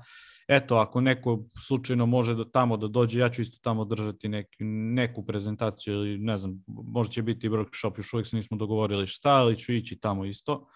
Ove, eto, i to je interesantna Bitcoin only konferencija i ona je zapravo isto dosta, dosta velika koliko sam ja razumeo, ali jedina razlika što je malo miks francuskog i engleskog, znači bit će neki e, neke prezentacije francuski, neki delovi, možda stage-ovi će biti engleski i tako, evo. Mada jeste, dosta su skupe te karte za te konferencije. Ja uvek se dosta ono protivim e, ceni tih karata, ali opet razumem da sve to dosta treba i organizovati i da treba, znači, novca da se sve to uh, organizujemo. Većina tih ovaj, eh, konferencija zapravo daje i besplatne karte ljudima u open source-u ovaj, koji, koji onako ne rade u nekim firmama ili tako možete uvek onako da ih kontaktirate i onda ili će vam dati neki neki popust ili ćete možda onako dobiti možda kartu i besplatno ako radite u open source-u. Znači, eto imali smo Baltic, ani pre toga znači ide Surfing Bitcoin 25. 6. Eh, i 7. avgust, onda imamo Riga zvanično od 3. do 4. septembra, ali je zapravo znači od 1. do 5. septembra ako hoćete da dođete na te događaje sa strane i adopting Bitcoin u El Salvadoru koja je onako malo više avanturista i može da priušti taj let i može da da, da, da, da ovaj, putuje 15-16 sati i onda ovaj, to je onako, to će biti baš isto jaka konferencija. Ja prošle godine, nažalost, nisam mogao da izboksujem vizu, bilo je malo komplikovanije za nas iz Srbije uglavnom zbog toga što oni, niko možda ni, iz Srbije nikad nije nišao tamo, pa nisu ni znali kako da dobijem vizu. Na kraju su mi rekli, pa ti dođi pa ćemo ono, bukvalno ono, udarimo pa uđi kao, znaš, nemam pojma. Ali se to dosta iskomplikovalo, pa na kraju nisam, nisam otišao. Ali je, eto i to je još jedna dosta jaka konferencija. Ja sad ne znam da li će biti nekih još sa strane, ali ono što je meni isto interesantno je uh, Osim konferencija, znači u poslednjih godinu i po dana imamo i taj porast lokalnih zajednica koji organizuju meetupe poput naše, tako da i to uvek pratite, znači uvek možete otići s ljudima na piće, popričati, kao što kaže Braj, mislim, stvarno je mnogo bolje kada sa bitcoinerima pričate uživo, jedan na jedan, mnogo brže uh, i ideje kruže i bolje su razgovori, tako da, eto, to, to je neki onako nadam se ne predugačko objašnjenje e, Bitcoin konferencije. Sad ne znam, ste vi momci bili na nekoj možda konferenciji? Kakvi su vaši utisci ovaj, do sada? Ja još nisam, uh, ali bi volio, volio bi ići. Možda ćemo, možda će se, možda u ovoj Baltic Honey Badger. Mislim da bi to se možda i moglo. Kako to, to misliš možda? Kako, e, kako, to misliš možda? Idemo. da, da, Nema ali razmišljam, više razmišljam e, da li, to, da li bi to išao s autom putovo ili, ili, ili s avionom do, do Rige. Šta je? Ti, zna, ti znaš odgovor, ako hoćeš da zelenilo raste, onda znaš če ćeš ići. Uđi u avion. A da, da. Ove, da, znaš da. kako? imaju, imaju dobru vezu sa Bečom, tako da mislim da ove ima ove jeftine avio kompanije Vizer sad i možda Ryan koji stvarno, ja mislim da sam ja moj let dosta jeftino izašao prošli put, možda oko 30 40 eura i to sa dva presedanja, tako da ovaj, uh, mislim da nije, Riga sama po sebi nije skupa, ovaj, sa cenama je, makar ja kad sam bio 2019. stvarno je bilo ok, ono što je možda bitno je da su cene alkohola dosta pristupačnije, čak nego više nego i kod nas Tako da ovaj, i lep je gradić, ovaj, mali je, ali je dosta lepo organizovan i dosta tiju i meni je stvarno Riga jedan od najlepših utisaka i najlepših konferencija na, na kojima sam do sad bio, bio sam na par, tako da ovaj, eto, preporuka. Ako neku možete, Riga onako možda će biti najbolja za, za, za budžet, pošto je Francuska, verujem, dosta skuplja ovaj, za eto, te neke stvari sa strane, pića, hranu i tako to, ali Riga je, Riga je okej. Okay. Da, Samo nemojte, jedno ovaj disclaimer, nemojte, nemojte jesti ovo njihovo nacionalno jelo specijalitet im je neka cvekila, tako da će vam izneti kilo cvekile, ne pitajte kako znam, ovaj, tako da ovaj, ako vam ponude national specialty kao meni, vi kažete ne hvala, ja jedem samo meso. Da, da. Uh, da, sam sam htio da dodam ono kad sam ja bio na Twitteru, tek ono kad sam počeo da ulazim u to uh, kao Bitcoin only i takve stvari. Mm, posle nekoliko meseci ta konferencija je bila Riga i to mi je bio, i čak na Twitteru sam osetio koliko je tu bilo, kako bi rekao, signala. I, i baš dobra konferencija i svi su to, svi te bitcoineri koji su išli su baš ono, uživali u tome, nije bila prevelika, ono, dobra ekipa, E, dobre prezentacije, mislim tu niko, baš ne, neke ljudi idu na prezentacije, a to više ono da sretneš te ljude, da popričate i, i, i društvo i oko Bitcoina i sve neke ideje se stvaraju oko toga.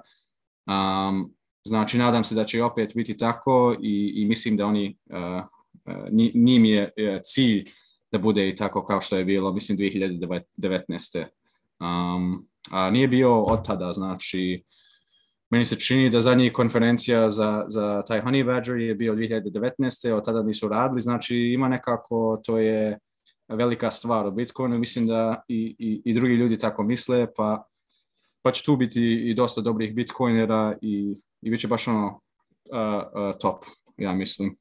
Da, jedan moj savjet za te konferencije, sve one uvek imaju neku Telegram grupu ili tako nešto, uvek se tu pridružite i bukvalno tu ljudi javljaju, ej, ovde smo se skupili nas 30, ovde smo se skupili, mi idemo tamo i tu je ono, znači bez toga bit ćete izgubljeni. Znači uvek obavezno Telegram grupa ili šta god je ono zvaničan chat konferencije i tu imate uglavnom sve informacije gde su ljudi trenutno, šta je plan za sutra, i tako. Mislim, bit će stvarno, vidjet ćete, gomila, gomila stvari se organizuje sa strane. Znači, eto, desilo se u Rigi nas petoro, šestoro, seli smo u neku pivnicu, bili tamo pub i kao ono, seli pivom mi napisali se ono kao, e, mi smo tu i ono, skupilo se 60 ljudi, ovi iz puba nisu mogli da veruju kao dakle sad ovoliko ljudi odjednom.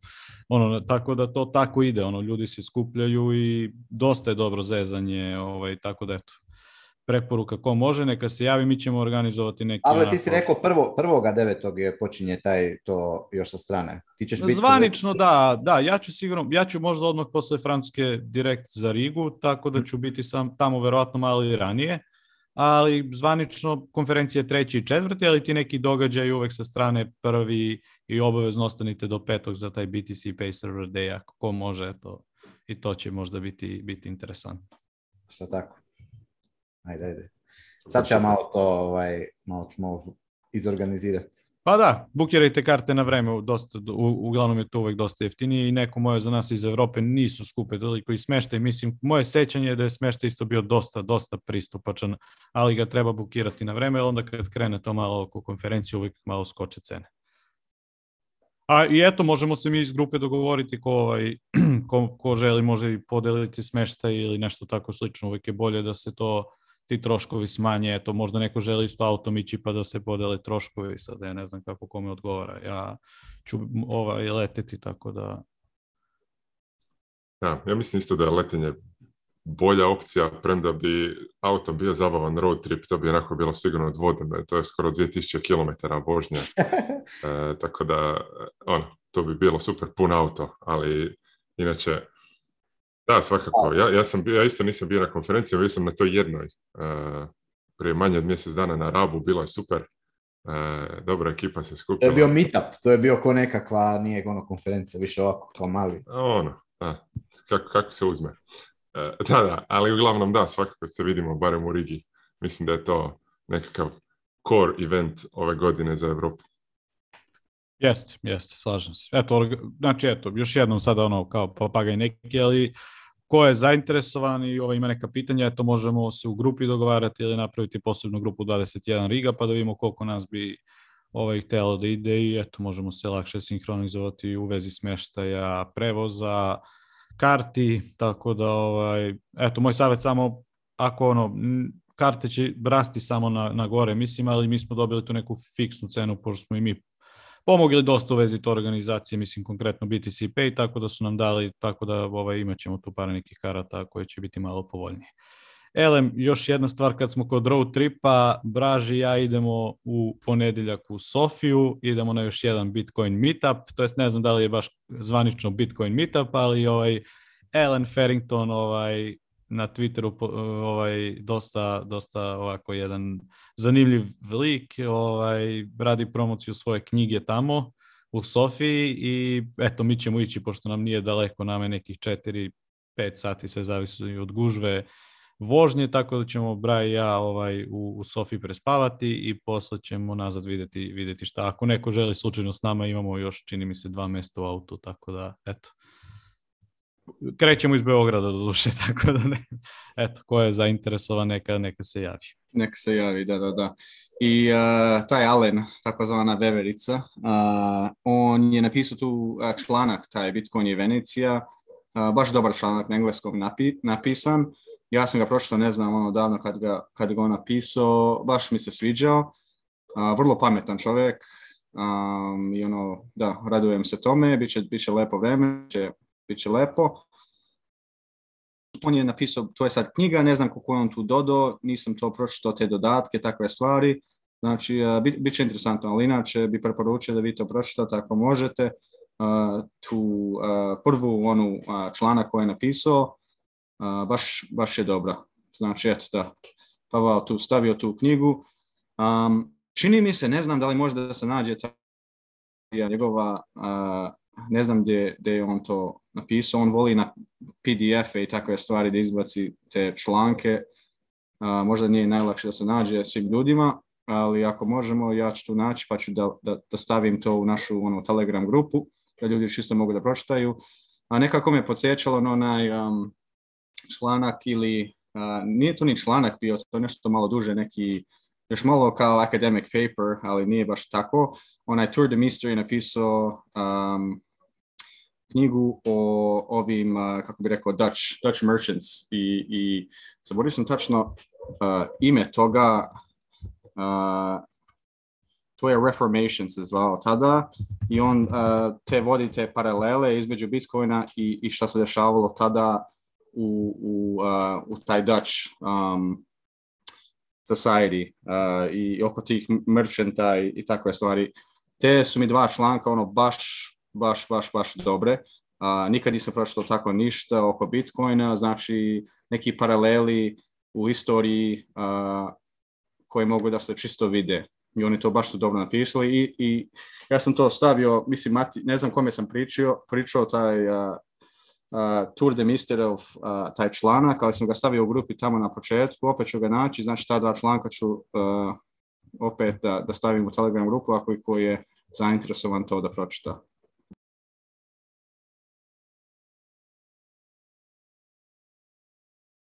On je ovaj inače napisao i ovaj Only the Strong Survive, ovaj koji je onako jedan baš dugačak članak, evo ja sam ga šerovao na, na našem chatu ovde na Zoomu. Uh, priča uglavnom o shitcoinima, bitcoinu i da isto tako neku uh, filozofsku ovaj perspektivu zašto bitcoin a ne shitcoin. Tako da ima onako dosta interesantnih nekih uh, razmišljenja, tako da se nadam da će, da će biti interesantno. Inače, ovaj, da, jeste interesantan je lik svakako. Evo, sad sam pogledao onaj uh, naslov onog članka, zove se The, The Bitcoin Reformation.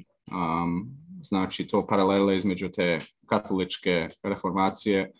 Uh, baš dobar članak i, i da, i taj uh, dosta nov članak koji je taj Alan Farrington napisao, ne znam koliko tu stranica, baš je ono, ide u, što bi rekao, into the deep end, ali ono, dobro je napisao i to je kao, ne znam, uh, koji je kao target audience, zato ja bih rekao neki financijski ljudi, ali inače to je neka, neki kao što bi rekli Darwinian perspective na Bitcoin i kako će onda preživi i sve ostalo nekako ima neke probleme i takve stvari. Um, ali preporučio bi da, da pročitate to i ja ću sve tri, sve tri te članke staviti u grupu, pa ako ste zainteresovani uh, možete pročitati i još ako neko hoće to da prevede, ako hoće da proba, onda slobodno, Pa možemo i to uraditi, to su odlične, odlične šlanke da ljudi pročitaju. Da, ovaj, hoćemo dalje, imamo još par tema, već smo onako sat i po otprilike u podcastu, ovaj, kako ste momci, hoćemo, hoćemo da izguramo i ovih par tema što imamo još. Ja bih izgurao, ako hoće ljudi, ona mogu da je 1.5 brzini, malo da to ubrzaju, tako ja uvek slušam podcaste, pa uh, možemo brzo da završimo ove teme ja sam ubacio tu, a, vidio sam na, na Telegramu ima a, neka grupa, zove se No Bullshit Bitcoin i to je kao vijesti oko Bitcoina, vrlo ono, jak signal oko toga. non stop stavljaju neke dobre, interesantne vijesti, važne vijesti i takve stvari. Vidio sam nešto oko nešto što se zove silent payments. Um, I to mi je baš interesantna stvar, zato trenutno nema neki način da sad ti staviš neku Bitcoin adresu i da primaš Bitcoin, a, da a, e, i, i što, što, koja je stvar i ljudi će da vide na koju adresu se šalje.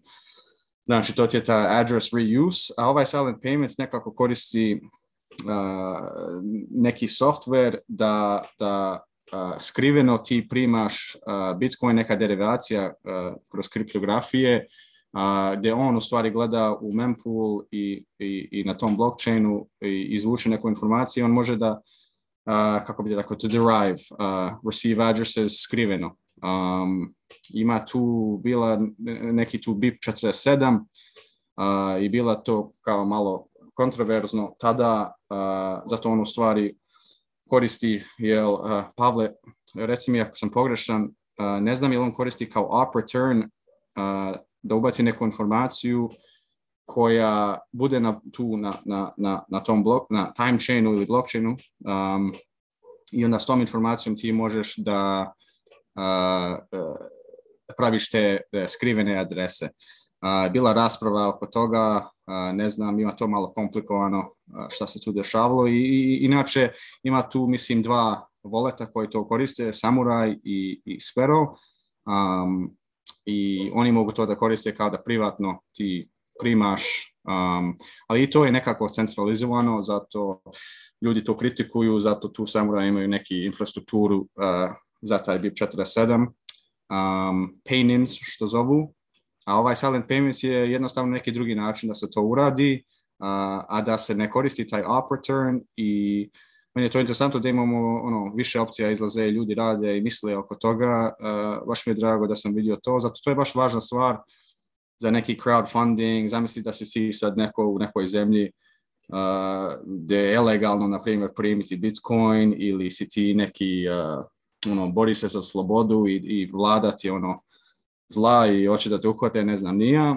I dobro je da ti možeš naći, da, da ima neki način, ti možeš stvari uh, primati bitcoin, a, a da onaj koji ti šalje i, i onaj koji vidi tu uh, taj link koji generiše tu adresu, um, da on ne može u stvari da vidi gde to ide.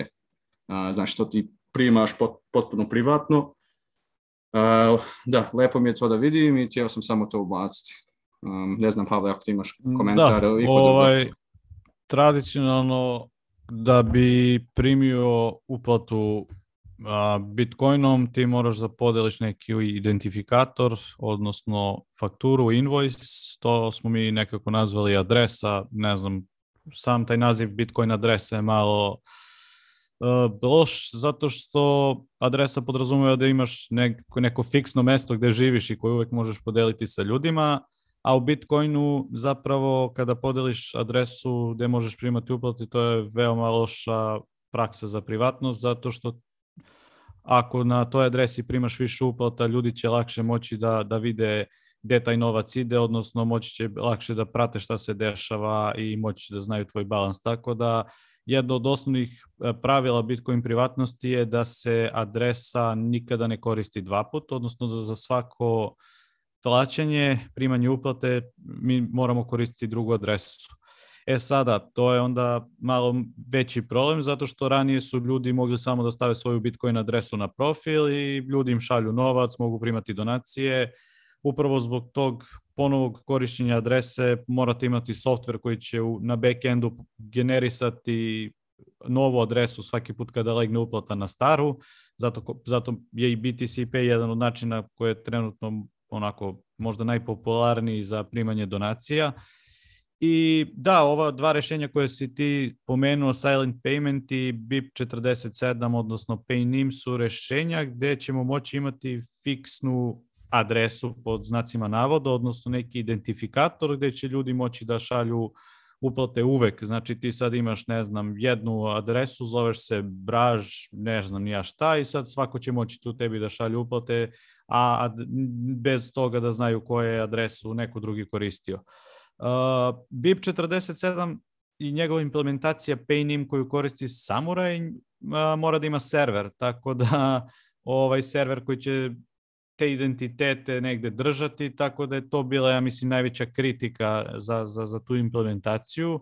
a mislim da će bot 12 protokol, sada ide možda malo previše tehnički, ali on će omogućiti to da, da jednostavno ti na, na nivou protokola možeš da uvek primaš uplatu i da se te adrese jednostavno šeruješ jednu adresu koja je statička i kogod šalje neće znati koju je prethodnu adresu koristio. Znači, e, automatski će se adresa refreshovati kada, kada uplata legne tu.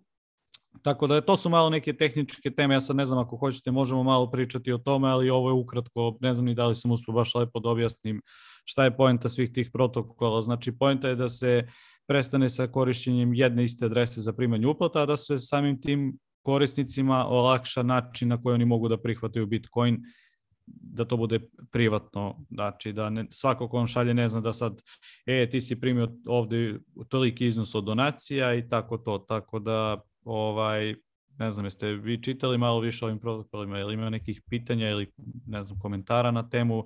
Meni je jedino, i sad je ovo opet isto tehnički ovo, interesantno za silent payment, zato što Uh, on sprečava onaj veliki problem u Bitcoinu koji se zove gap limit. Uh, ja sad ne, ne znam, ajde, mogu i to da objasnim. Znači, imate svoj Bitcoin node i javni ključ, odnosno public key ovaj, kad god uplata legne vama, generiše se nova adresa. I sada, recimo, za svaku novu fakturu, recimo konkretno za BTC Pay ili za neki wallet, ja hoću da primim uplatu, ja napravim adresu, međutim ne primim uplatu na taj wallet. Generišem novu, generišem novu i nakon nekog vremena moj backend će prestati da prati sve te prazne adrese. I ja ako primim uplatu recimo na 21. adresi, ovaj, moj wallet neće moći da, da pokaže konkretan balans uh, na koji ja imam. I to se zove gap limit, odnosno neka praznina gde jednostavno softver prestane da prati adrese zbog toga što je to pre, previše intenzivno za, za, za njega, da, znači da prati sve te adrese. Uh, i to je neki gap limit problem sa kojim se mi stalno susrećemo, e, za koji ljudi možda i ne znaju, ali eto, dešava se i to, ja koliko sam pročitao ovako brzinski, mislim da to ovaj silent payment će to rešiti, ali naravno nisam baš nešto duboko zašao u silent payment još uvek, ali da, eto, to su neke stvari koje on nudi, koje su malo drugačije. Da, samo sam htio da dodam tu neke stvari. Mislim da je tu cilj na kraju da ti, mi možemo kao na silent paymentu ili uh, preko ono, uh, tog painima BIP47, da možeš on-chain primiti e, na taj prvi sloj Bitcoina, primiti on-chain privatno, a taj Bolt 12 je, samo sam htio reći, to ti je spec, e, specifikacija napisana za Lightning, ali u stvari je baš ono, kako bi rekao, veliki spek. Ima tu puno posla oko toga da oni to odrade da naprave tu infrastrukturu za to, ali cilj je da mi imamo ono, eh, da ti možeš jednu ono, eh, kao adresu staviti za, za onchain jednu za lightning i to ne možeš nikada promeniti i non stop ćeš ti primati, a, eh, a, generiše se a, kad koristiš te uh, silent payments ili BIP47, on u pozadini generiše te privatne adrese koje niko ne vidi i ti tako možda primaš uh, ili na Lightning ili na onchain Mislim, to nam je cilj uh, na kraju,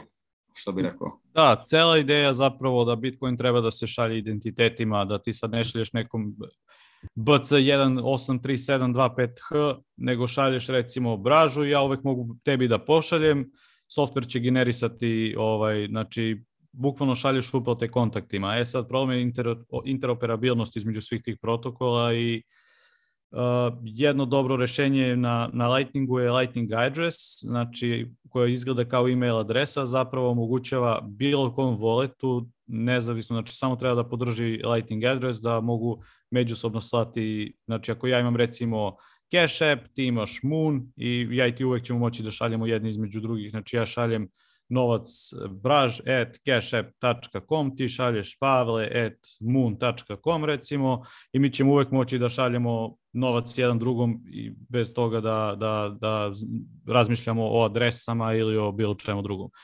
Tako da mislim da će se onako celo, celokupno to iskustvo oko plaćanja poboljšati, treba još jedno možda pet godina, ja bih rekao da, da sve to legne kako treba, još uvek mi vršimo plaćanje adresama, još uvek moramo stalno proveravati da li šaljem na dobru adresu, da li sam ponovo iskoristio ovu adresu, pa onda su to, ako si baš onako manijak, onda svaku adresu obeležavaš, e sad ja sam ovde zato što mislim da, od, kako drugačije da znaš od koga si primio i šta, tako da ovaj, postoje mnoge te ideje i nadam se da ćemo ono što korisnika treba da interesuje je da on može slati uplate bez da razmišlja o svim ovim stvarima o kojima mi upravo pričamo. Znači šaljete Bitcoin kontaktu, on je interoperabilan između svih voleta i svih aplikacija i to bi nekako neka moja ideja da to tako treba da, da funkcioniše.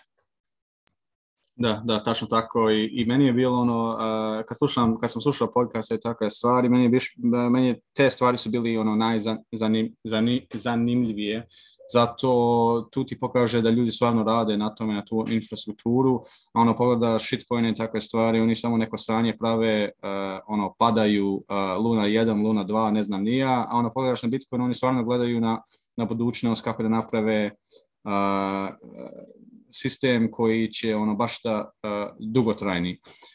Samo sam htio da dodam oko ta, tog gap limita, ako to neke ljudi ono malo zbunilo, um, ti možeš da a, derivaciju da praviš uh, i, od tog javnog ključa, uh, kako bi rekao, uh, uh, sad sam zaboravio reći, samo, samo sekund da vidim. Um, bezkrajna, e, bezkrajna adresa. Znači ti možeš napraviti, ne znam, milijardi i milijardi adresa da ti primiš Bitcoin na nju. Znači taj novčanik ne može sad da on pogleda sve te adrese da ih generiše, nego on gleda jednostavno 1 do 20, 1 do 100 i onda posle toga on prestane.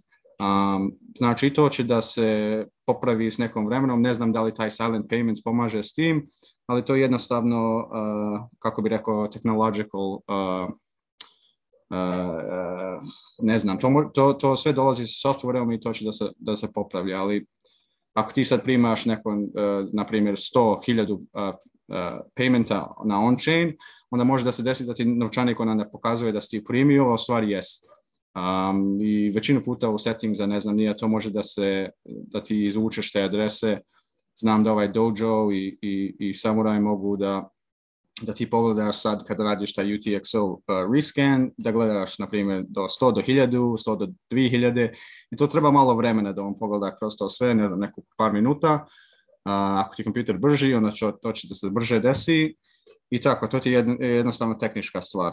Um, da, evo, ovaj, ja samo hoću da dodam da se taj problem dešava kada ne, nemate svoj node, znači vi koristite light client wallet koji ima jedan node i sad on ima hiljade i hiljade korisnika prikačenih na taj jedan, na taj jedan node. I sad zamisli sad kad svi ti korisnici krenu da traže te adrese i da kopaju po njima, onda će taj jedan node centralizovani morati znači da ima baš dobar server koji će moći sve to te intenzivne operacije, znači moraće da prati sve te adrese i zbog toga da taj njihov backend ne bi pratio non stop te adrese, jer to će, ono, eksplodirati od tolikog broja adresa koje on mora da prati uh, oni to ogran, ograničavaju. Kažu, ej, mi ćemo, ako, ako ovaj korisnik ne primi uh, recimo uplate na 20 adresa uzastopce, mi ćemo prestati da pratimo njegov balans, zato što pretpostavljamo da on generiše adrese, a ne, ne prima uplate. I sada, to, a vi ako primite na 21. adresi, onda eto, onda je to već problem. Tako da, ovaj, ako imate svoj node i baš zbog nekih takvih stvari treba, trebate imati node da, ovi e, light client operatori, oni znači vama, oni štite sebe i svoju infrastrukturu time što ograničavaju vama da možete skenirati svoj UTXO set kao što je rekao Braž, ali mislim da smo Braž otišli baš onako u neke duboke teme sada, tako da hoćemo dalje. Da, samo na kraju da što bih rekao je, eto ti još jedan razlog da, da ranuješ svoj node, i tako. Možda ćemo neku drugu epizodu u budućnosti raditi kako se to radi, e, da pokažemo ljudima da to nije u stvari toliko komplikovano što misle e, i tako. sledeće imamo još par neke teme. Um, i vidi, vidim da ovaj El Salvador ovaj uh, Bukele konferenciju neku napravio sastanak uh, centralnih uh, banaka u El Salvadoru i samo sam htio da kažem meni je smešno ono da ih, mislim, 44 države su došle, a, a, 1944. čini mi se da je bilo taj Bretton Woods Agreement, kad je taj američki dolar postao a, taj svetski novac, i isto na tom sastanku su bile 44 države. Znači, a, tada su bile ono, najjače države na svetu, a sad ono naopačke dolaze one države koji su uh, ove mo moćne države i zajbali na neki način. Ili te afričke zemlje, ili second world, third world countries i oni nemaju e, e, banke i resurse, oni jednostavno iznamljuju pare iz IMF-a i takve stvari. Znači ovo je njima nekako me podsjeća na taj e, na tu kao konferenciju, ne znam nije kako to da zovem, ali umjesto na zlo, ono na dobro. Znači, nadam se da će puno da se desi od ovoga. Um, i vidjet ćemo šta će te države da odluče. Nadam se da su nešto naučili na, tu, na, tu, e, na taj sastanak. E, vidio sam neke slike, sve izgleda ono odlično, sve su lepo spremili. Um, vidio sam radili su nešto sa, e, sa voletima i takve stvari da nauče. Uh, I da, se evo sad uh, vidiš neke slike tu i to ti je onaj, to ti pravi signal, vidiš kako slušaju ljudi. Uh, in, in, in financial inclusion uh, i takve stvari. Znači, ovo je stvarno tehnologija za slobodu i, i to se vidi kad... Uh, I drago mi je inače što, što, što to El Salvador radi, napravio taj prvi korak. Um, ne znam da li ko što komentariše na to, uh, vidi se i, i, i kako američke političari uh, ih napadaju kao da to nije stabilno za njih, za njihovu ono, uh, Uh, for their benefit nije dobro da oni koriste Bitcoin i takve stvari. Vidi se da su oni se malo uplašili uh, od, od ovoga. E, to sam samo htio reći.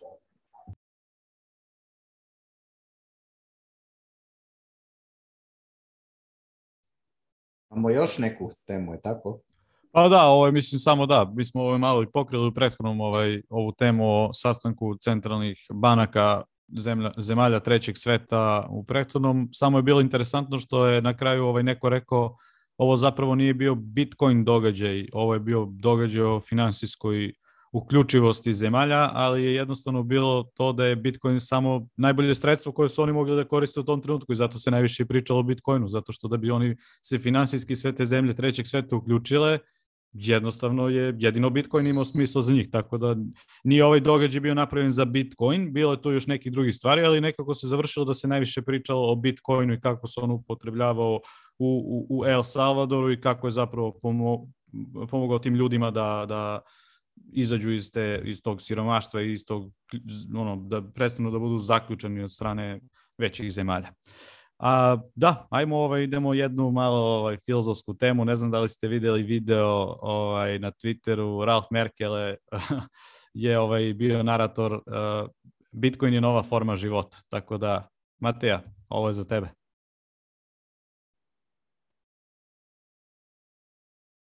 Da, da. Mm. Pa ne znam, e, preporučam da svako pogleda video i pročita originalni originalni dio. Još da ja nisam da. stavio pogrešan link u novcu, bilo bi super da možemo da otvorimo video. Ja gde je sada to?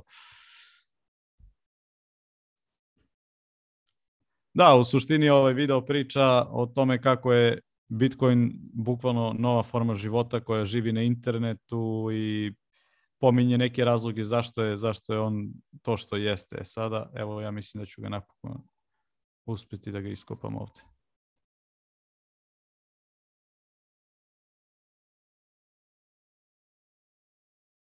Evo, ja sam ti stavio link u chatu, uh, da hoćeš to da otvoriš.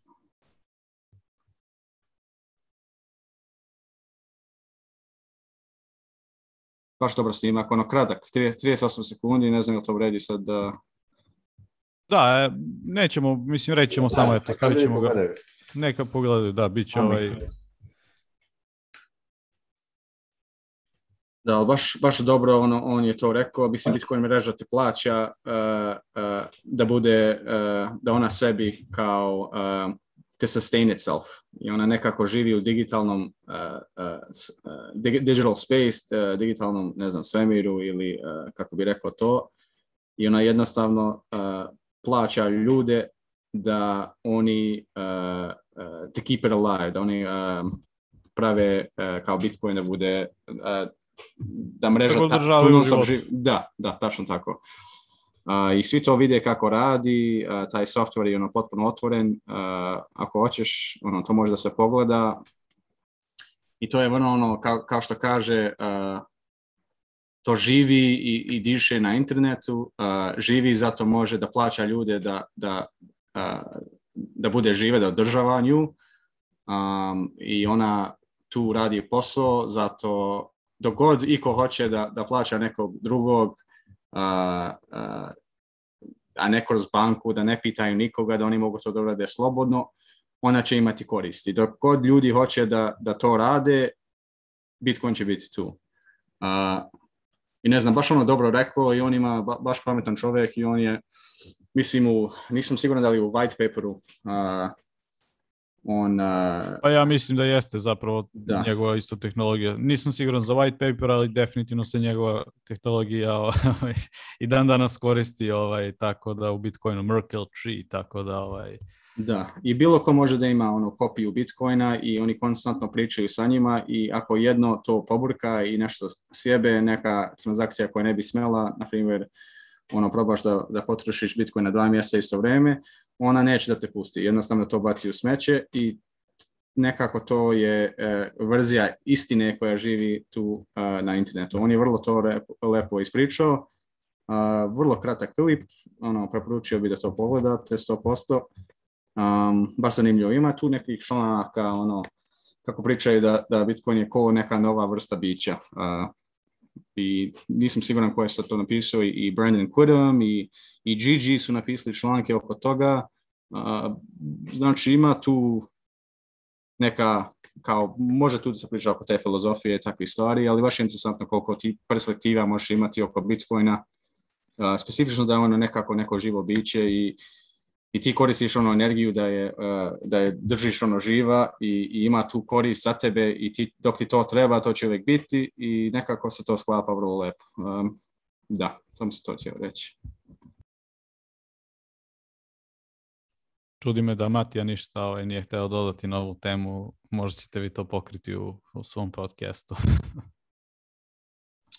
volim ja, volim ja uh, teme nekako povezati sa onim o čemu pričamo i napraviti neku sintezu. E, ali mislim da je ovo duboki rabbit hole i, i za sad je ok samo spomenuti evo e, ovaj video originalan, originalan papir u kojem je to napisano, kojeg je Pavao kratko na ekranu pokazao. To je jedan duži, duži dokument, ali on to na jednoj stranici, na stranici 14 priča o, o, ovaj, o tome koji skoro na stranicu 14, mislim da čak početak stranice, evo briefly, non-technically, baš prvo, prvi paragraf. I, I, tu je to o čemu, o čemu video priča, ta nekakva teza da Bitcoin liči na živo biće, e, zato što konzumira resurse da bi rastao i održavao se na životu dok god konzumira resurse može opstat. Da, to je, to je jednostavno... Ne znam, ne želim, ne želim za sad ulaziti duboko u to Mislim da su ova dva resursa dovoljna da se ljudi dotaknu toga. Ako nisu čuli za taj argument prije, e, možda jednog dana napravimo nekakav magnum opus oko toga od dva sata. Može, dobra ideja. O, evo, um ajmo onda to da ostavimo za neku onako dublju konverzaciju, a evo prećemo na, ja mislim da nam je ovo posljednje za danas. Uh, jedan od najpoznatijih ovaj Bitcoin podcastera Peter McCorneck, ovaj, on ima onaj Bitcoin, What Bitcoin Did podcast i njega je Craig Wright, odnosno e, čovek koga svi znamo kao lažni Satoshi, uh, tužio, sad ne znam konkretno više zašta, on je tužio gomilu Bitcoin developera i gomilu ljudi koji su u Bitcoinu. Uh, taj čovek je jednostavno onako stvarno neki sociopata koji se služi novcem koji ima da, da ide i da tuži ljude i da ih na taj način ono bukvalno odvraća od toga da razvijaju Bitcoin, da, da rade na Bitcoinu i da ti kao developer jednostavno koji je, jav, koji je javna ličnost ili jednostavno pričaš javno svoje ime na, na, na Twitteru, budeš u opasnosti da te neki psihopata tuži samo iz bilo kakvih razloga čisto da bi ti potrošio vreme i možda i novac. Njemu očigledno taj novac nije toliko bitan, on je već gomilu tih tužbi izgubio ali evo imao je tužbu sa čovekom koji radi Bitcoin podcast i on je još imao još par ljudi koje je tužio između njih i čak i e, čoveka koji je pod pseudonimom Hodlnaut je takođe, to je već borba koja traje tri godine već, znači se oni tužakaju zbog toga što je čovek koji je fake toši je ono, stvarno sociopata koji koristi ovaj pravni sistem da, da stvarno ljudima troši vreme i meni je drago da postoje već sistemi uh, Square je napravio uh, alijansu koja se zove COPA, odnosno COPA, koja pomaže developerima, odnosno kompanije se ujedinjuju i pomažu ljudima koji su baš ovako zlostavljani od strane ovakvih manijaka na internetu koji jednostavno te tuže da si ti njihov patent ugrozio, da si ga ti optužio za ne znam ni ja šta, da si ga ti nazvao da je on fake Satoshi, a on je zapravo pravi Satoshi i tako te neke gluposti. U ostalom, ovo je još jedan dobar primjer zašto bi možda mi svi trebalo da budemo nimovi na internetu, da jednostavno se zaštitimo od toga da svojim imenom i prezimenom a, budemo mete ovakvih ludaka, nikad se ne zna, to, to je možda može da bude jedna lekcija. A, e, njegovo suđenje se završilo trenutno, čeka se presuda, a i onda su sada sve oči uprate u tog, kako ga mi zovemo, Space Cat, odnosno mačku hodlnuta na internetu koja E, nadamo se da će i njegova ta tužba stvarno, mislim, ja, ja njega poznajem lično i učestvovao sam u toj kampanji njegove odbrane, kada smo skupljali sredstva i jedva čekam da se to sve završi stvarno, mislim, to kako to psihički može da utiče na čoveka da ti tri godine se brineš i to su stvarno neki nenormalni sudski troškovi zbog, samo zbog toga što si eto ti njemu bio na meti i onda on rešio da skupi svoj tim skupih advokata koji će te tužiti za neki stvarno gluposti koje nemaju baš smisla, ali eto, to je neka tema samo koju sam možda hteo da, da ju damo malo na značaj, mislim da je bitno da je to, još, još jednom pokazuje da ipak a, možda i, razlog zbog koga je većina Bitcoin developera sve više i više ide ka tome da, da budu anonimni i da razviju anonimno jednostavno razlog je da možeš u miru da razvijaš i da radiš na tome što voliš bez toga da te sutra da neko napadne, da te sutra da neko tuži zbog toga što ti razvijaš i eto. To je to otprilike. Ne znam da li da. ima komentara. pa da, to smo naučili. Zaklinak bi rekao, ono, zaklinak bi rekao a, da je a, e, tačno tako, da i developeri moraju da se paze ono da koriste a, e, e, nimove i takve stvari i tako da, da, da rade na Bitcoin, zato nikad se ne zna koji ludak će tu doći ili država ili vlada ili neki ludi čovek ovako koji koristi ono Uh, zato Satoshi, niko ne zna ko je on, on lepo tu izađe i kaže ja sam Satoshi. I ne može nikako on to da dokaže, već hiljadu puta su mu pitali i, i, i naravno da ne može to dokazati, zato to u stvari nije on. I on je, jednostavno napao ovog Holonota, uh, uh, mislim svi su to pričali da on nije, nije, nije to, nije Satoshi i jedno, jednostavno je tijelo da napravi primjer i on koristio te pare koje on dobija od ovog drugog čoveka, Kalvina, i, i tužio njega i napravio ono sranje, e, financijski što si rekao, emocijalno i takve stvari, nije baš to lako da se sve, ono, da živiš kroz to. Nadam se da će to se završiti i, i, i da karma udari ovog a, a, tog Craig, Wright, Craig Wrighta, ono baš jako, zato meni on pathological liar i sociopath, on čovjek ne može da kaže istinu nikako, on samo samo sere non stop. Um, da, znaš šta, cela priča se svodi na to da on jednostavno ni, nisu uspeli da preokrenu ono šta je Bitcoin, njihova ta ideja da, da Bitcoin treba da bude veći block size nije uspela i onda se oni sada jednostavno ti kad si očajan na stvarno raznorazne glupe načine ćeš pokušati da isteraš ono što ti misliš ili smatraš da je istina i više ono bukvalno sam više ne veruješ u to.